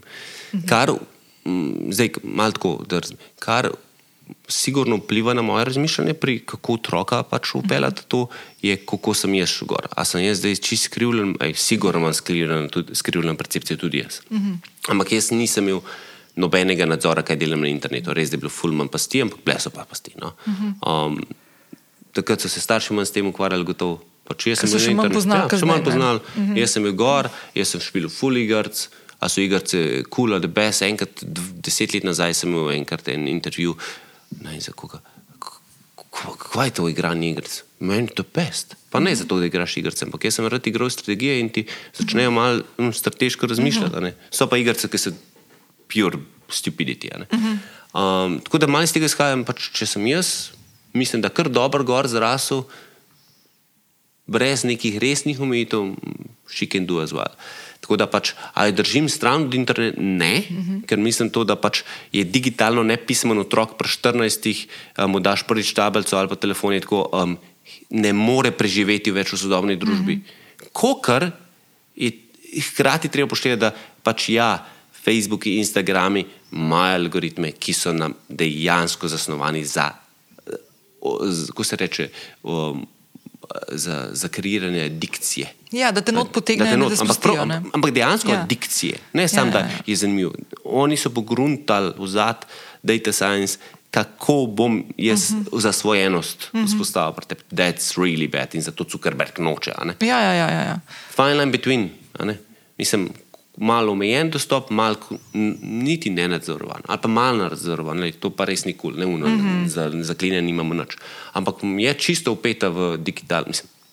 Upeta, mi imamo doma pač smart home, Google rečeš, ugasni oči, ti ugasni mm -hmm. oči, fuli dogaja, kul. Cool. Sprav ve, kaj je tehnologija, da obstaja tehnologija, mm -hmm. tudi um, programirati skozi Scratch, samo jo učimo. Skozi kaj? Scratch je neka, Scratch je eno full, se pravi, open source, oziroma open source, brezplačna platforma, ki mislim, da je Harvard jo razvil za učenje logike in programiranje za otroke. a res? Tako malo vlečeš gore okay. konce, ampak mora tudi pogruntati logiko. Se pravi, Aha. Ni treba, da tipkaš stavke programerske, imaš Aha. to z ikonom rešeno, rešeno, ukaze, ampak logiko programerske mora posvojiti. In je super za osnovno Aha. šolo, za začetek, prvo triado že začneš s tem. Hudo. Ampak, ej, a hočem do programerka? Ne, hočem pa, da ima rogi- logi- logiko Ja, ja, ja. razvito. No, se to, veš, to mene, ful, je, ful sem vesela, da si tako odgovoril, da nisi rekel, "Ja, tako pa tako, ne, ampak da v bistvu se tudi iščeš ti način, Ja. ja. pri svojem otroku, pa tudi konec koncev vsak otrok je drugačen in ni neke, po mojem, formule. Ampak um, ful mi je všeč to, veš, kaj ti je pomemben, da osvoji, pa mogoče pol tudi, ko bo že enkrat bolj noter stopila v neka ta omrežja, tudi kako, kako se z njimi obnaša, kako z njimi upravlja. Ne. Mislim, jaz mislim, da moramo vzgojiti pri otrocih, pa uh -huh. tudi pri starejših, samo to zavedanje, kaj je to. Da znaš uh -huh. ti poloke, razumem, kaj je, zdaj se bom pa znal odločiti. Uh -huh. Graditi moš na čustveni inteligenci in tudi pač na še ko sta, ne samo na IQ, ki smo včasih, pa obstaja čustven, vse, pač inteligenca. In to ni na- nadudlanje, kot je tipičen šolski sistem, naš dudlanje na pamet. Ponavljaj, kaj sem ne, ti povedal. to, Ja, točno Ja, ja. to. Pač, daj, raz, začni razmišljati. a ne? Um, kaj misliš, da so. Aha, ne veš, kaj sem te hodila še vprašati. Zadnjič, ko smo se prvič dobila, kakšen teden nazaj, si mi rekel, da mogoče se malo vrnem k temu uh, chat GPT-ju, ker se mi zdi še ena točka tukaj ful zanimiva. Da ravno zaradi tega konstruiranja nekega, neke fake realnosti, ki v bistvu vsak od nas lahko počne, že če ne drugega s tem, kako nastopaš na nekih družabnih omrežjih, ali pa kaj napišeš, kakšno fotko objaviš, kako je editirana, whatever. Um, smo prišli do tega, da v bistvu v zadnjih letih je full porast, sploh med mlajšimi uporabniki družabnih omrežij, ta pristen nastop. Ne? Ne vem, ena, ta aplikacija Biril, na primer, je en tak tipičen primer tega. Ne? In koliko je uspešna v neki tej mlajši generaciji, Gen Z, pa to. ne. Um, in se mi zdi, naprimer, da s tem, ko dobiš, zadnjič mi je omenil, naprimer, da. Um, Da tudi pri nas se že zgodi, da vidiš vem, konkretno na LinkedIn-u kakšne poste, ki jih je naprimer, nekdo objavil in jih je v bistvu objavil skozi to aplikacijo ChatGPT. ne. Ker ti sicer lahko služi kot neko fino urodje, da ti da neko istočnico, ne pa nekega končnega produkta, ki ga pol objaviš, kot da je to tisto, kar si se ti spomnil. Ne? Kje je zdaj ta tudi meja, tako, veš, kje ti to vidiš? Ali pa, naprimer, ki ti uporabljaš stvari, no, da je tako mogoče reči. Kje je tvoja meja med tem, da bi uporabil neke take, neka taka orodja, um, pa tem, da ti poveš tisto, kar na, v navednicah na tvojem zemljiku, zdaj pa tvoje povezave, ki pridejo iz tebe, pa iz tvojega znanja in izkušenj in zgodb. Mislim, ful dobro vprašanje. Tako, če GPT, kar nima in tudi sam pove, da nima, če ga vprašaš, on nima emocij in nima opinija, se pravi, opinija, Mnenja. mnenja po slovensko. Ja. Um, ki ga mi imamo, ali je to dobro mnenje, vsak ima izoblikovano mnenje. Mm -hmm. In a, on zna fakte, mm -hmm. lepo napisati. Ne bo pa znal mojega tona zrandati, mojega, mo, mojega vidika na določene situacije vključiti noter. Mm -hmm. A bo obstala enkrat inteligenca, kot to znala? Verjetno ja, pa trenutno ne, ne zna. In zdaj, da bom jaz, kar se že dogaja, kot si sama rekla, da imamo zdaj na LinkedIn-u, a ne, vsi če GPT generirate poste in objavljate, wow, kje je kvaliteta tega. Se pravi, ni več naše mnenje, ampak je vse, kar se vidi gor, za pretiravam, bo mnenje enega računalnika, nimamo več kreativnosti, -hmm. malo so s- pač ne damo svojega mnenja ven, ne damo čustev ven, brez veze. Pač mm -hmm. propad social medija, ker noben mu več. A bi jaz zaupal tebi, če bi vedel, da ti sploh ne pišeš več, ali pa kolumno moraš napisati. Ne, jaz tle zdaj sedim jaz, ampak se en program s tabo pogovarja, veš, ja, ja, ja. Iz holograma. ne. Um, mislim, am zaupal, zaupal. A sem poistovetil s tabo, uh -huh. ko bral tvojo kolumno, če sem vedel, da pač vse kolumne tvoj en računalnik to napiše. Ne, Ja. ne vem če. In na social mediji je pa to še bolj uh -huh. na udaru. Social medija po osnovi so družbena, družabna, kako koli zdaj to prevajamo v mreže, kjer je point social interactions. In da je, kje so zdaj te interakcije, če je vse, kar je gor v teoriji, ja. računalnik zgeneriral. Tako da to je, to je en aspekt. Ne. Na drugi aspekt pa je, zakaj sploh sem jaz na LinkedIn-u, pa na Twitterju, pa gor. Uh -huh. Mislim, Instagramu, Facebooku. Pač ful je zgrešeno, pač gor bi mogli biti zaradi druženja, ne zaradi tega in ful velik blagovnih znamk in tudi velik posameznikov je gor. Zdaj moram pa objavljati zato, ker število objav je pomembno. Ne, ni. Pomembno je pristnost, pa kvaliteta vsebine, pa kvaliteta odnosov, pa interakcij in dialogov. In tle pride tudi zelo velikega razkoraka med pogledi mlajše generacije in starejše generacije. Um, mlajše, kot se reče, mlajša generacija, full ceni pristnost, imajo svoje social networke um, in veliko tudi na YouTubu, ki je recimo gener, medgeneracijski skomrežje um, družbeno. Um, veliko bolj delujejo video posnetki, ki so posneti z telefonom, uh mhm. -huh. pa so za nič kvaliteta, za nič zvok, um, nič postavljeno, ampak res v nas, tam lidane v pižami se nekaj pogovarja uh -huh. s tabo. Ker bi mislil, oh moj bog, to deluje, ker ljudje vidijo in verjamejo, da je to pač veliko bolj pristno, da govoriš iz sebe. Versus stara generacija, pa zdaj ne govorimo o starosti, ampak klasični marketing, da ima malo unos med zavit, um, je iz televizije navajen, da mm -hmm. mora biti tvoj glas, pa tvoj video posnetek perfekten, popoln. Mm -hmm. In pač še zmerno znaj preklop, da na, na digitalu, um, no, sploh pa z manjšo generacijo, ne, oni pač bojo rekli, to je fake. Mm -hmm. To nisi ti, nimaš pristnosti. Mm -hmm. Ti se izdaja za en nekoga, za eno blagovno znamko, ki ti nisi. Mm -hmm. Prav, to v zadnji išče. In je res, pa ne govorijo zdaj pa nazaj, ne govorijo samo o blagovnih znamkah. Mm -hmm. Mislim, da generacija, zdaj jim napamet rekel, 2-5 naprej ali pa 2-2, kaj je zdaj. Mlajši odraščajo v čist drugačnem okolju, kot smo pa vsi starejši. Mi smo mogli, tudi jaz, mi smo imeli velike, ali pa še imam velike probleme, mora biti popolno, ne smem razočarati, moraš se tako držati, tako se moraš vse te družbene merila, ki so nam bile zabita v glavo, kako mora biti. Ne? Pa ne samo pravile lepega obnašanja, to se jaz čist strinjam, mora biti, ampak um, vse mora biti popolno. In ne smeš, sploh pa, da je začela sva, na mo, e, ko si, ko si videl. Moški, moški, da ne bi pokazal, da, si, da imaš čustva, sploh v Sloveniji, da si ranljiv, da si failov, Kar, noč, ni šans, mm -hmm. da si se zmotil, nič ne smeš pokazati. Ne? Mm -hmm. Pa pa postaviš moškega še v vlogu voditelja, mm -hmm. je pa konc. Mm -hmm. In jaz sem bil tudi tam. Pač ne smem pokazati, kaj si bojo mislili, če bojo vedeli, da sem jaz fejlil. Pač, hvala Bogu, fejlati človeško.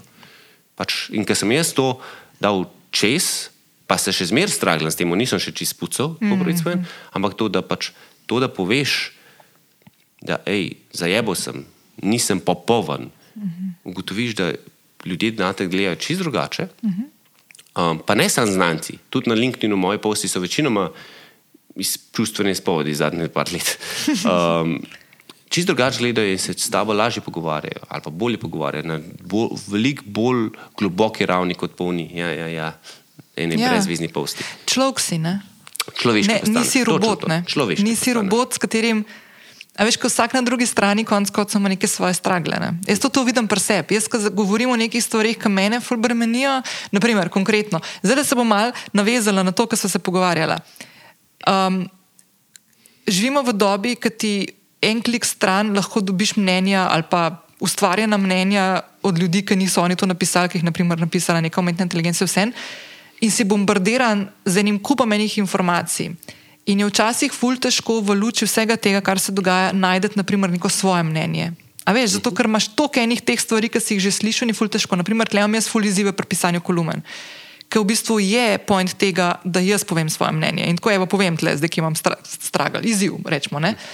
In se zdaj ful ukvarjam. Naprimer, me je ful strah tega, da bi odprla stran chat GPT, ker sploh nočem ker sem že tako preveč globoko v nekem tem stanju, da moram sebe slebe slišati, pa tisto, kar hočem jaz napisati, da res pride iz mene, da sploh nočem tja zaprest. Druga stvar, ki pa je, ki si jo pa zdaj ful dobro omenil, je pa ta, da vsakič znova, ko tako stvar poveš na glas. Jaz sem tudi včasih ful mislila, šit sem to povedala, zdaj pa vela, kje so moje šibke točke, me bojo vsi napadli, točno tam, kaj vejo, kje, kje, me bojo, kje me bojo dobili. v bistvu fulni res, ne. kontra je. Ne. Postaneš človek, postaneš. V tebi vidijo, da imajo enake stragle ljudje, ki te tako gledajo, in tvoji zaposleni, ne, ali pa premen moje, poslušaj, kako koli, vidijo in se prepoznajo z nekimi podobnimi izzivi in vidijo tebi, da to govoriš. In ko to poveš na glas, rečejo, wow, ne, ok, zdaj pa tudi jaz lahko začnem. Mislim, Govoriti nisem edin v tem. Ne? Ja. Ja. Um, Kje so tvoji največji izzivi zdaj v naslednjem obdobju? Prej smo se pogovarjali, da si ne delaš novoletnih zobljub, kar sem v bistvu ful vesela, ker se mi zdi, da smo vsi malo prišli do tega, da to ne del- deluje, pa da je fajn si cilje postavljati. um, kakšni so kakšni tako cilji, ki si jih želiš lotiti, ne vem, v letošnjem letu ali pa v naslednjem nekem obdobju, lahko v daljšem ali pa krajšem? Mislim, ne delam si novoletnih obljub, že sploh nikoli se nisem, sem pa gotovo ne 8 let nazaj začel delati, kot se reče, cilje, osebne. Um, za leto, ker se mi zdi, da mogoče so, so določene prakse, ki jih so v gospodarstvu, skoraj da v podjetništvu, nujne ali pa ustaljene prakse, da imamo letne plane narediti, pa, bla, bla, bla, pa zračunati, ki- bi jih komod prenesli tudi v, v personal life um, in bi nam pomagala. Ne? Ker če ne, če ti osebno nimaš ciljev, pač kaj, misliš, že čez tri leta, ki drge, če naš noč delo na razvoju. Mm. Da, delam cilje iz tega stališča, tudi da vem, kaj hočem. Da si malo, mogoče malo retrospektive naredim, pa malo mm. vzamem časa, kam mm. hočem iti, kot si mm. rekla. Um, in da hočem še zmeraj um, delati 26 ur na dan, dobro, 24 ur na dan, ne, sigurno ne. Jaz mislim, da pač počasi se postavljam bolj vlogo. Um, da ni treba, da sem jaz frontman, tudi v Red Orbitu, daleč od tega. Uh -huh. To mislim, da smo že velik korak v zadnjih dveh letih naredili, imamo novo direktorico agencije, tako da uh -huh. sem jaz vzad, ampak da sem jaz bolj um, v vlogi full dobro mi sta New Amsterdam nadaljevanka na Netflixu. Uh, to ne. sem videla, ampak nisem gledala. Uh, okay. Zdravniki. Ampak meni je ful dober v prvi epizodi, ki prije ta, whatever, nov direktor, ki je in ima v auditoriju vse tam in reče, how can I help? Ne, ni moja vloga, da bom jaz dirigiral, pa delegiral, pa mikromanagiral, uh -huh. kar sem v preteklosti zelo počel, ampak moja naloga je, how can I help? Uh -huh. Delajte, jaz sem kvečem pomoč vam, zato da vi lahko bolje delate. Zdaj govorimo o firmi. Uh -huh. um, drugač pa na dolgi ali pa na srednji rok, um, jaz mislim, da nekako je treba, mislim, še zmeraj vidim sebe kot namreč ambasador, whatever, ne naj temu rečem. Pač ful hočem pušati v Sloveniji in širše um, razumevanje digitalnih tehnologij in kako lahko pomagajo pri kvaliteti življenja posameznikov in pri boljšem poslovanju ali pa boljših poslovnih rezultatih fir, uh, firm. Mm -hmm. Um, in to bomo v moje, po moje delali in skozi dober razvoj storitev znotraj agencije, ampak predvsem skozi izobraževanje in konference. Mi ne delamo konferenco um, zato, da bi z njo zaslužili, ker ne zaslužimo, ampak meni je kul cool širiti znanje, meni je kul cool pripeljati top spikerje iz iz celega sveta v Slovenijo, zato da Slovenijo in verjamemo potencial Slovenije, da Slovenijo dvignemo malo naprej, ker mm -hmm. zaostajamo.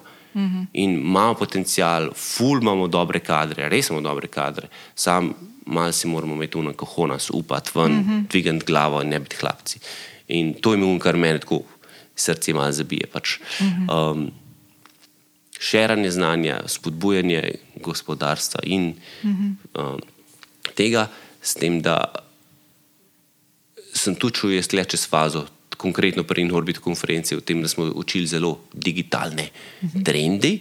Zadnje dve, tri leta imamo še, um, še en trek zraven, ki je pa usmerjen v, um, kako se temu reče, manj ne znam um, v slovenščini prevesti, ampak um, o tem, da spoznavaš sam sebe, se pravi, ni self-care, niti približanje, ampak um, v emotional intelligence, ki jih predavamo na konferenci digitalcem. Res. To, tematike, to, kako, tudi meditacijo, kako skozi meditacijo vizualizirati svoje poslovne cilje. Aha. Se pravi, preplet z dveh svetov, čist. Um, do, do javnega nastopanja, do prema, mislim, pre, pre, premagovanja svojih strahov in podobne zadeve. Ker jaz mislim, da je to tema, ki jo čist premalo na, mm -hmm. naslavljamo. Ne, to se tako družbeno premalo, pa, pa ja. sploh pa mogoče še nekih dodatnih okoljih, kjer so mogoče tako bolj izrazite tudi moške energije, pa uh Mhm. -huh. mogoče te introvertiranosti, ki sicer še vedno lahko tudi delaš vse te stvari, pa si introvertiran. Ja, ja super, full dobro. In to so najbolj ocenjene predavanja na koncu. Wow. Pa misliš, da mislim, meni bo strah, kako bomo pripeljali? ne? Hudo. Oh, shit, to je pa malo kontroverzno, ne malo gremo stran, Ja. gremo malo tam v meditation. Najbolj ocenjene predavanja. E, mislim, da se čudim, ampak po drugi strani pa ne, ker to je tisto, kar človek na koncu more. Pa da vidi, ne, da to drugi. a Ve, prej smo se, da da omenjam tako, ful mi je bilo dobro, ker sem sem prišla, pa si najprej prenesel ene rože, sem da se bo boš počutila v enem od teh prostorov, prvs. Um, pa prenesel si en kristal, pa pa si mi pokazal en ful lep ametist, ki ga imaš v pisarni. pa da je mogoče čisto za konc. No, to mi je ful všeč, zdaj, ko smo prebila ta da te zdaj malo publika spozna. Pa moja publika je full uh, dovzetna za te stvari, tako da by the way. Um, kako si se s tem srečal, pa kaj, ti, kaj, v bistvu ti predstavlja? Mislim, kako si se s tem nekim, a veš, self-care, nekim well-beingom, da sebe gledaš v bistvu ne samo kot Andraš, uh, uh, ustanovitelj, vodja tlele ekipe 20 ljudi in to sem jaz in me moje delo determinira, ampak da si pa tudi oče, da imaš ti neke svoje potrebe, svoje vrednote, da rabiš čas zase. Tako, kako si, kaj je tisto, kar tebi, na primer, sede? Po mojem so bili to življenjski dogodki. Jaz mislim, da sem bil zelo, zelo trd na začetku, uh -huh. potem pa pač par, par dogodkov spremeni. Prvi dogodek, ko dobiš otroka, ki je tako. In to je bila super, super situacija. Jaz mislim, da se takrat ne 12, to je bilo leta 2014, na pamet rečen. 12 in jaz postanem, imamo vodjo projekta, imamo tam, zdaj mi smo mali sprego, kam do otroka. Uh, Maša se je rodila, pač imela je rok, marca, sred marca, sprego, vse postavim, januar je 3, 9 pod, 4. Vsi, tegl, vsi mislim, vodi, eno vodi projekt da odpoved, vodi pisarno da odpoved, tisko, oh moj bog. Uh -huh.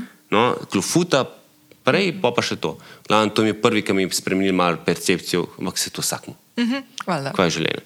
Uh, ta druga ločitev, puf, klufuta, pač what the fuck's going on, pač, in to -huh. sredi korone, dajmo še to zraven. ne. Um, tako da, um, what's going on? Um, in jaz mislim, da sem te dve sta bili glavni klufut. Klufuti v življenju, mislim, klufuti v življenju, dva, dva dogodka v življenju, ki sta mi streznila. Ker ne moreš zbežati, ker si v bistvu Točno to, ne postavljen, moreš moraš ker ni pač eno. I'm going to ignore it. Ja, ja, ja. Tam Ne je moreš. in ne gre nikamor. Mm. Um, a sta slaba, a sta dobra, na koncu koncev, it doesn't really matter, mislim, rojstvo otroka je tako dobro. Ampak mm -hmm. ločitev happens, na koncu kotiš, da pač z razlogom mm -hmm. itd. Um, in oba dva sta mi dali ful za misliti. Um, o sebi in kako sebe dojemam, in da se moram ful bolj self-aware postati in uh -huh. posvetiti sebi. Um, tako da se pravi, tam pri 40-ih nekako rado vsak mal bolj um, zrel. ne. Evo, lih, to so bile moje, moje leta, v neki sem mogoče največji priskok naredil naprej. Tudi s pomočjo prijateljev, ki so me vodili, mogoče malo bolj razmišljajo o sebi, da ne v napač, ja, greva se ga napiti, kot ti bed. Uh -huh. We didn't do that, no, hvala uh -huh. Bogu. Sem bili pa kot koper. Na- Prvič mi je en dober prijatelj prinesel za, za rojsten dan, za 40, ko sem dobil ametista od njega, tako fulepka. Oh, ful je lepa. Ne? Prej sem bil tako, ok. Pri 35 za kristal, tako what the fuck, je glih, kar je zavil z očmi. Ja, mislim, ja, valjda, tako kot vsi. Vsi smo bili vsi tam. Ja. stava, ne pa. Pol sem pa, mogoče, ali pa da reč, pri 30 je bilo tako čist, kaj stava, jaz sem bil mm. superman, jaz moram vse, zbon zagoda, z glavo skozi zid, bomo že porušili ga itd.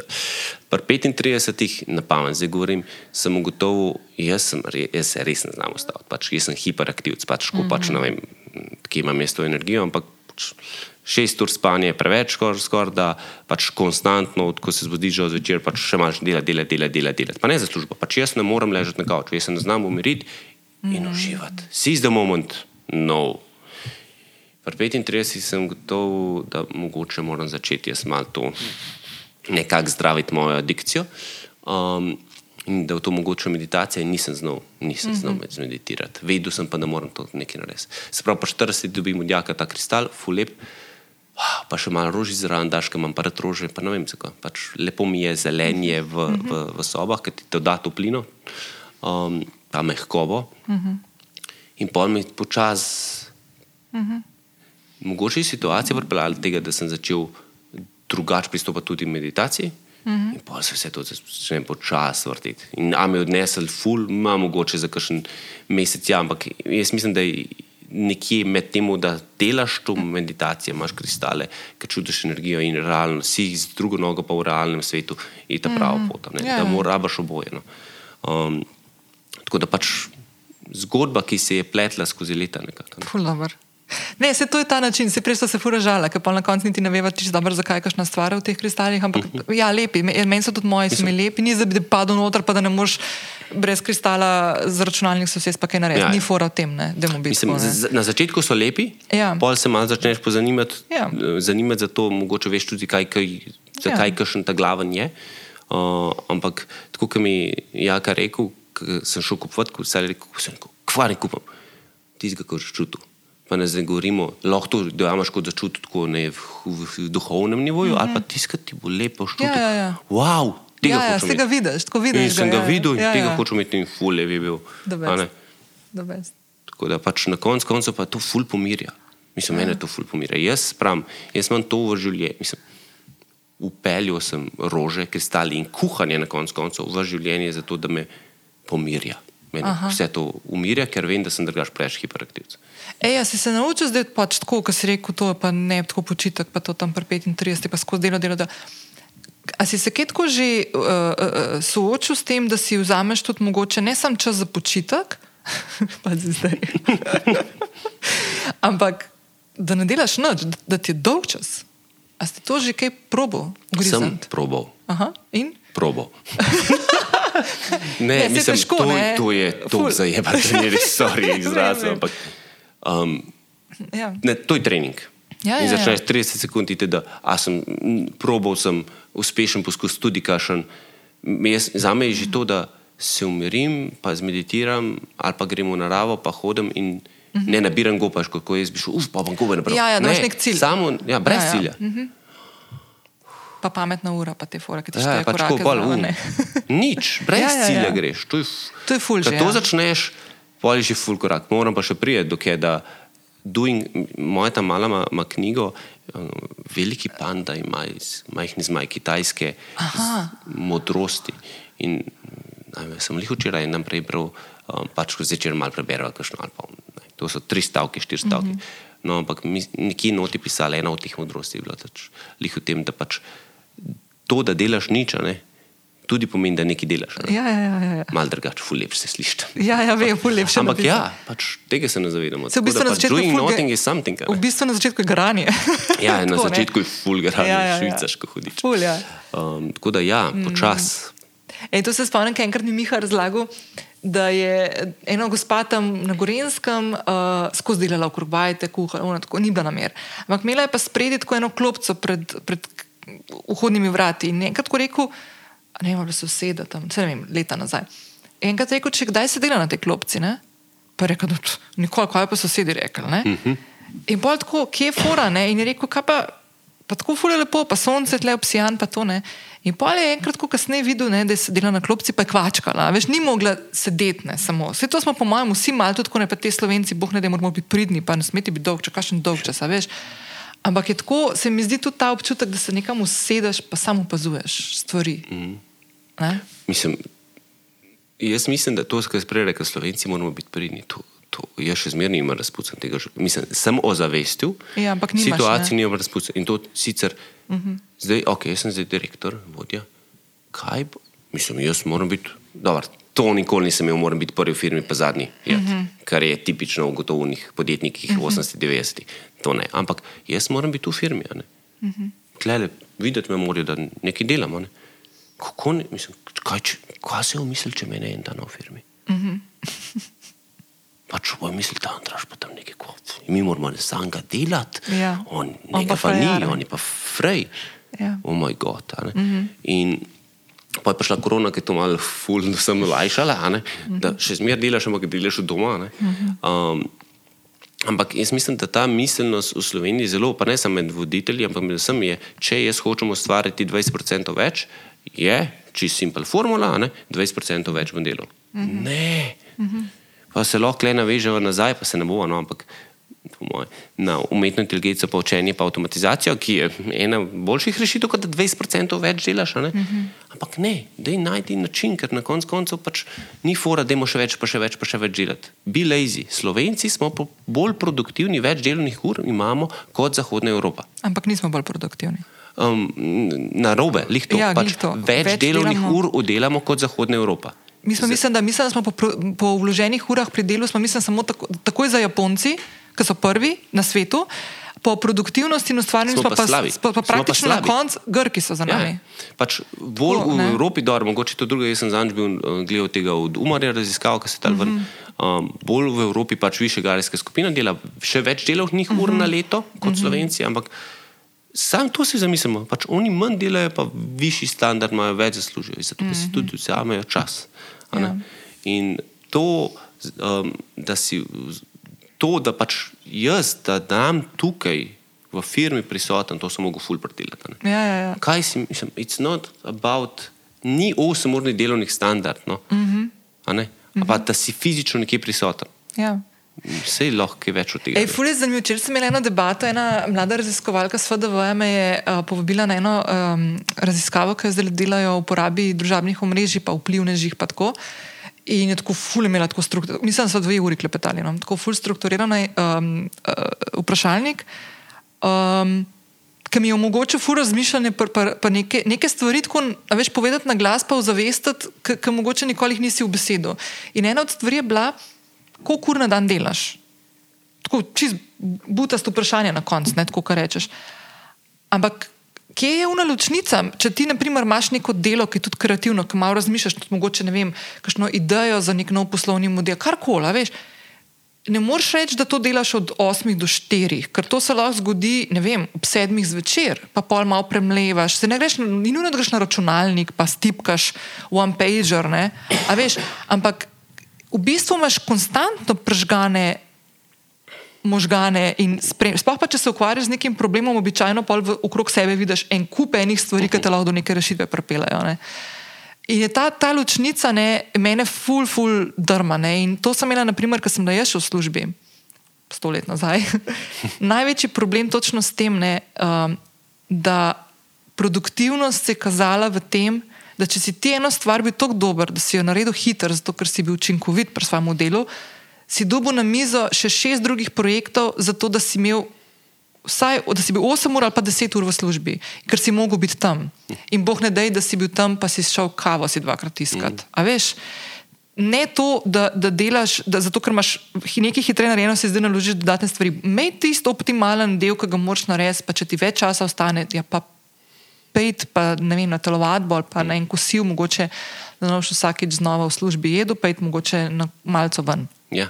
A veš, ne? Lej, for, dajmo kle čisto lepo črto potegniti. Um, Osemurni delovnik je posledica industrijske revolucije. In je že sto let pa se je. In moramo imeti tam, mislim, takrat.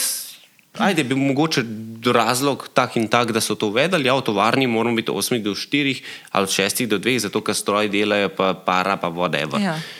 Let's make, let, mogoče je tako imel en smisel, ampak to ni normalni, normalno okolje, mm -hmm. v katerem ljudje operiramo. Pred industrijsko pač unkovač v srednjem veku ali pa ne vem.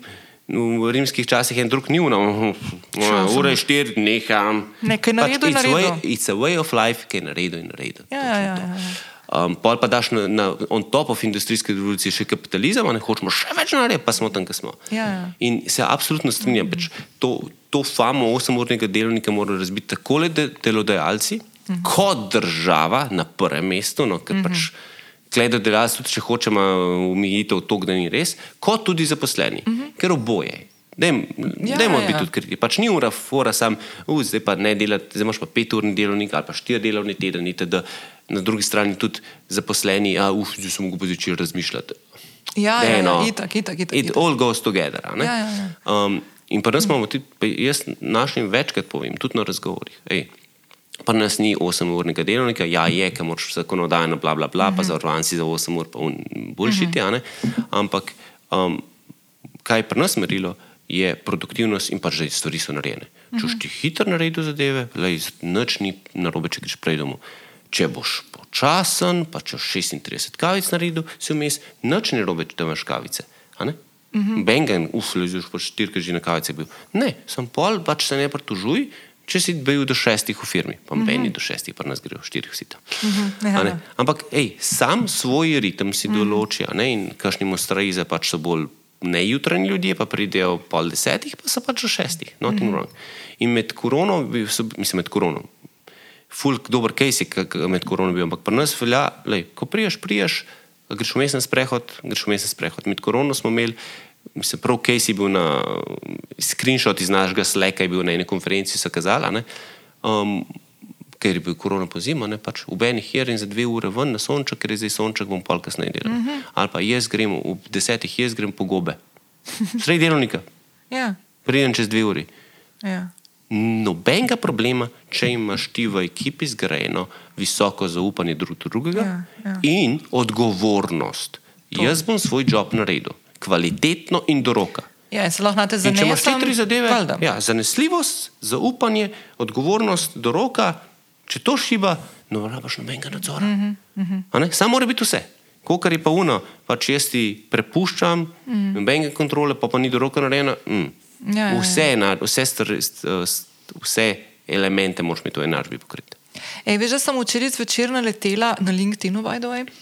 Uh, ne na TikToku, pa sem šla pa na LinkedIn pogledat, ker je bil tako green screen na enem TikToku objavljen, da je predsednik Shopifyja, Finkelstein ali neki mu je imprint, no ne vem. Je ene, dva, te- mislim, da 6. ali 5. januarja, full dobro, fortiv lahko pošljem, je na LinkedInu objavil, da so skenslali v Shopifyju vse sestanke, redne, tedenske ali pa te na neki redni ravni, ki so zahtevali več kot tri ljudi. In da so v enem dnevu skenslali, mislim, da za 17.500 ur sestankovanj, in da so rekli ne, sestanki morajo biti hitri, produktivni in samo ob četrtkih, ne vem, med 12 in 2 so lahko sestanki, kjer je več kot so tri ljudje in takrat organizirati te stvari. Ostalo pa pač, da si ljudje lahko delajo time bloke, ta, ta, ta, ta, ta. Sprav tudi te sestanki, ki so sami sebi namen, ne, v bistvu kenslanje. ne. Kaj, zakaj sem ti hodila to omeniti? Ker se mi zdi, še ena stvar, ki je tle ful pomembna, ne, da vsako podjetje je valjda tudi malo drugačno. Vsako podjetje ima nek svoj ritem, svoj nek življenjski tok, ne, drugačno delo upravlja, drugačno ekipo. In se mi zdi ful pomembno, ne samo to, da mi beremo neke knjige, pa gremo na Udemy, če se vrnem nazaj, pa pogledamo, kako bi mogli voditi podjetje, pa kako bi bilo fajn imeti sestankov na tem, banaliziram. Da v bistvu se znaš postaviti v vlogo nekega podjetja, ljudi, ki v njem delajo, tudi kot vodja in reči, ok, lej, to lahko špile nekomu drugemu, mimo pa po svoje naredili. Ne? Mhm. Mislim, jaz imam tukaj zelo izdelano mnenje, kar se tiče konkretno sestankov.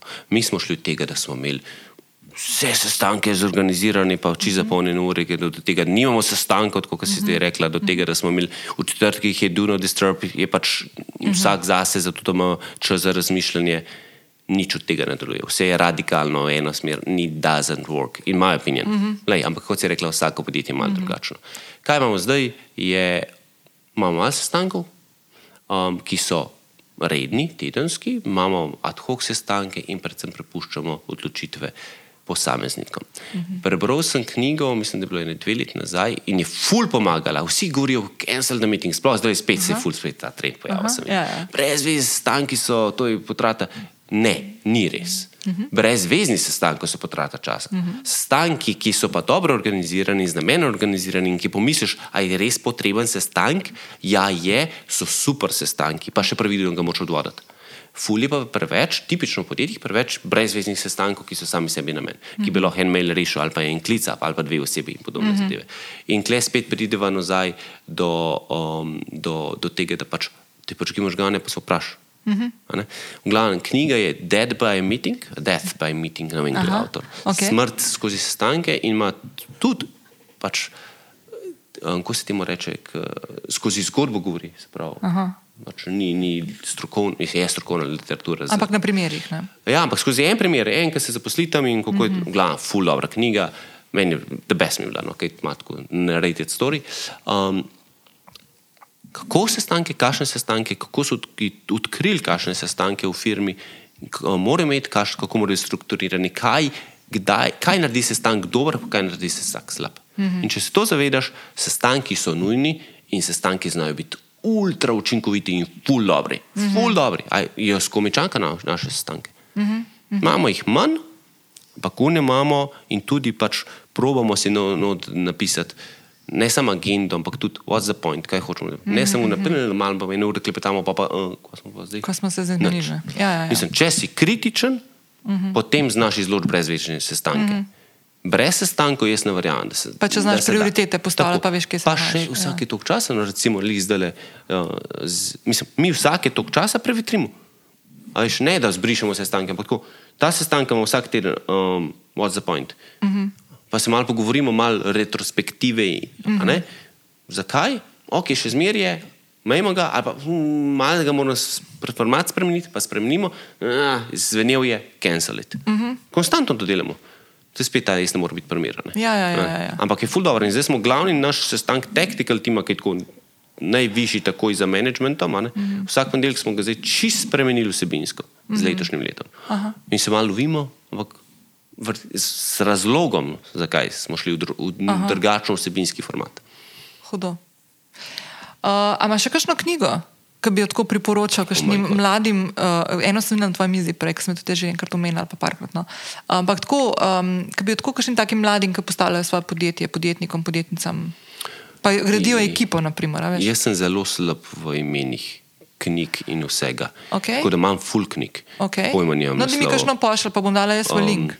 Mislim, ja, jaz sem tako rekel, mislim, lahko tudi to brez problema, ampak jaz sem v, v unem obdobju 30 do zdaj, ali pa tudi zdaj malo manj berem, fulbral. Um, tako.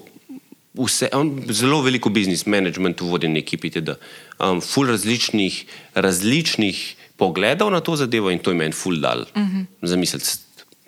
Vse ti da, to pa pa porabiš, pa spet pomisliš, ko uh -huh. vse pa porabiš.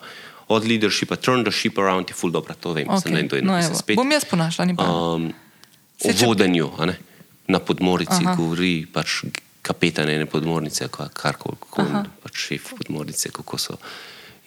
Ta je fudor v vodenju. Um, drugače imamo pa tam knjižnico. Ja. Celo našo. Okay. Mislim, da petko pač po nas je sicer zdaj skozi manj naročamo, ker smo vsi na Kindlih, ampak uh mhm. -huh. včasih je bilo tako, povej, kjer je knjige in je po, uh -huh. na pol leta 20 knjig iz Amazona, pa roman in pol bermo. Kul, cool. kul. Cool. A bi še kaj povedal? No. Ne. ne, super je bilo. Super. Meni je bilo ful Ej, zabavno. Ful hvala, ful, ful hvala. Sem ful vesel, da sem se spoznala, pa ful hvala, da Enako. si vzel čas, pa da so poklepetala. Pa se še kaj videlo. Ja, hvala za vabilo. Nikaj.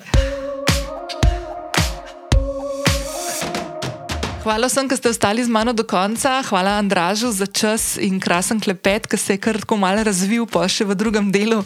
Um, in sem ful vesela, včasih tako razmišljam.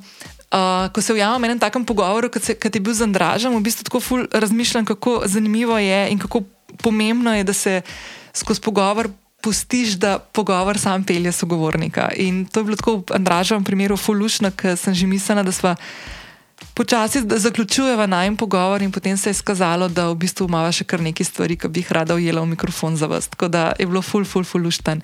Uh, jaz upam, da ste uživali, uh, upam, da vam je Andraš uh, razložil neke take pojme, s katerimi smo praktično obdani, že tu, če se tega mogoče še ne zavedamo tako zelo. Um, predvsem tukaj mislim umetno inteligenco, um, da tudi mogoče malo ste dobili občutek, kaj je dobro spremljati, kaj, na kaj je dobro biti pozoren um, in, in kam v bistvu se peljajo stvari in kako lahko mogoče tudi vi kakšne um, dele teh novih, novih, za nas novih, za širšo publiko novih orodij. Um, uh, raznih aplikacij oziroma strani, ki ti pri tem lahko pomagajo, lahko uporabljate v svojem življenju, če vam bo to prišlo prav. Jaz priznam, da se še nisem s tem konkretno poigrala, malo sem opazovala, kako to zgleda, to, ampak da bi pa uporabljala te vsebi, predvsem te vsebinske dele, ki ti piše, naprimer neko, neko vsebino, ki jo pripravljam. Uh, To pa moram priznati, da me kar malo strah ugrizen v to, ker um, nekako res uživam, kot sem povedala v pogovoru z Andražem, ful uživam v tem, da v vsej razburkanosti, ki se dogaja v mojih možganjih, eh, ki so prepolni enih informacij, pomembnih, pa tudi predvsem tistih, ki jih tako poloviš skozi vsak dan, se mi zdi ful pomemben, da lovim tiste.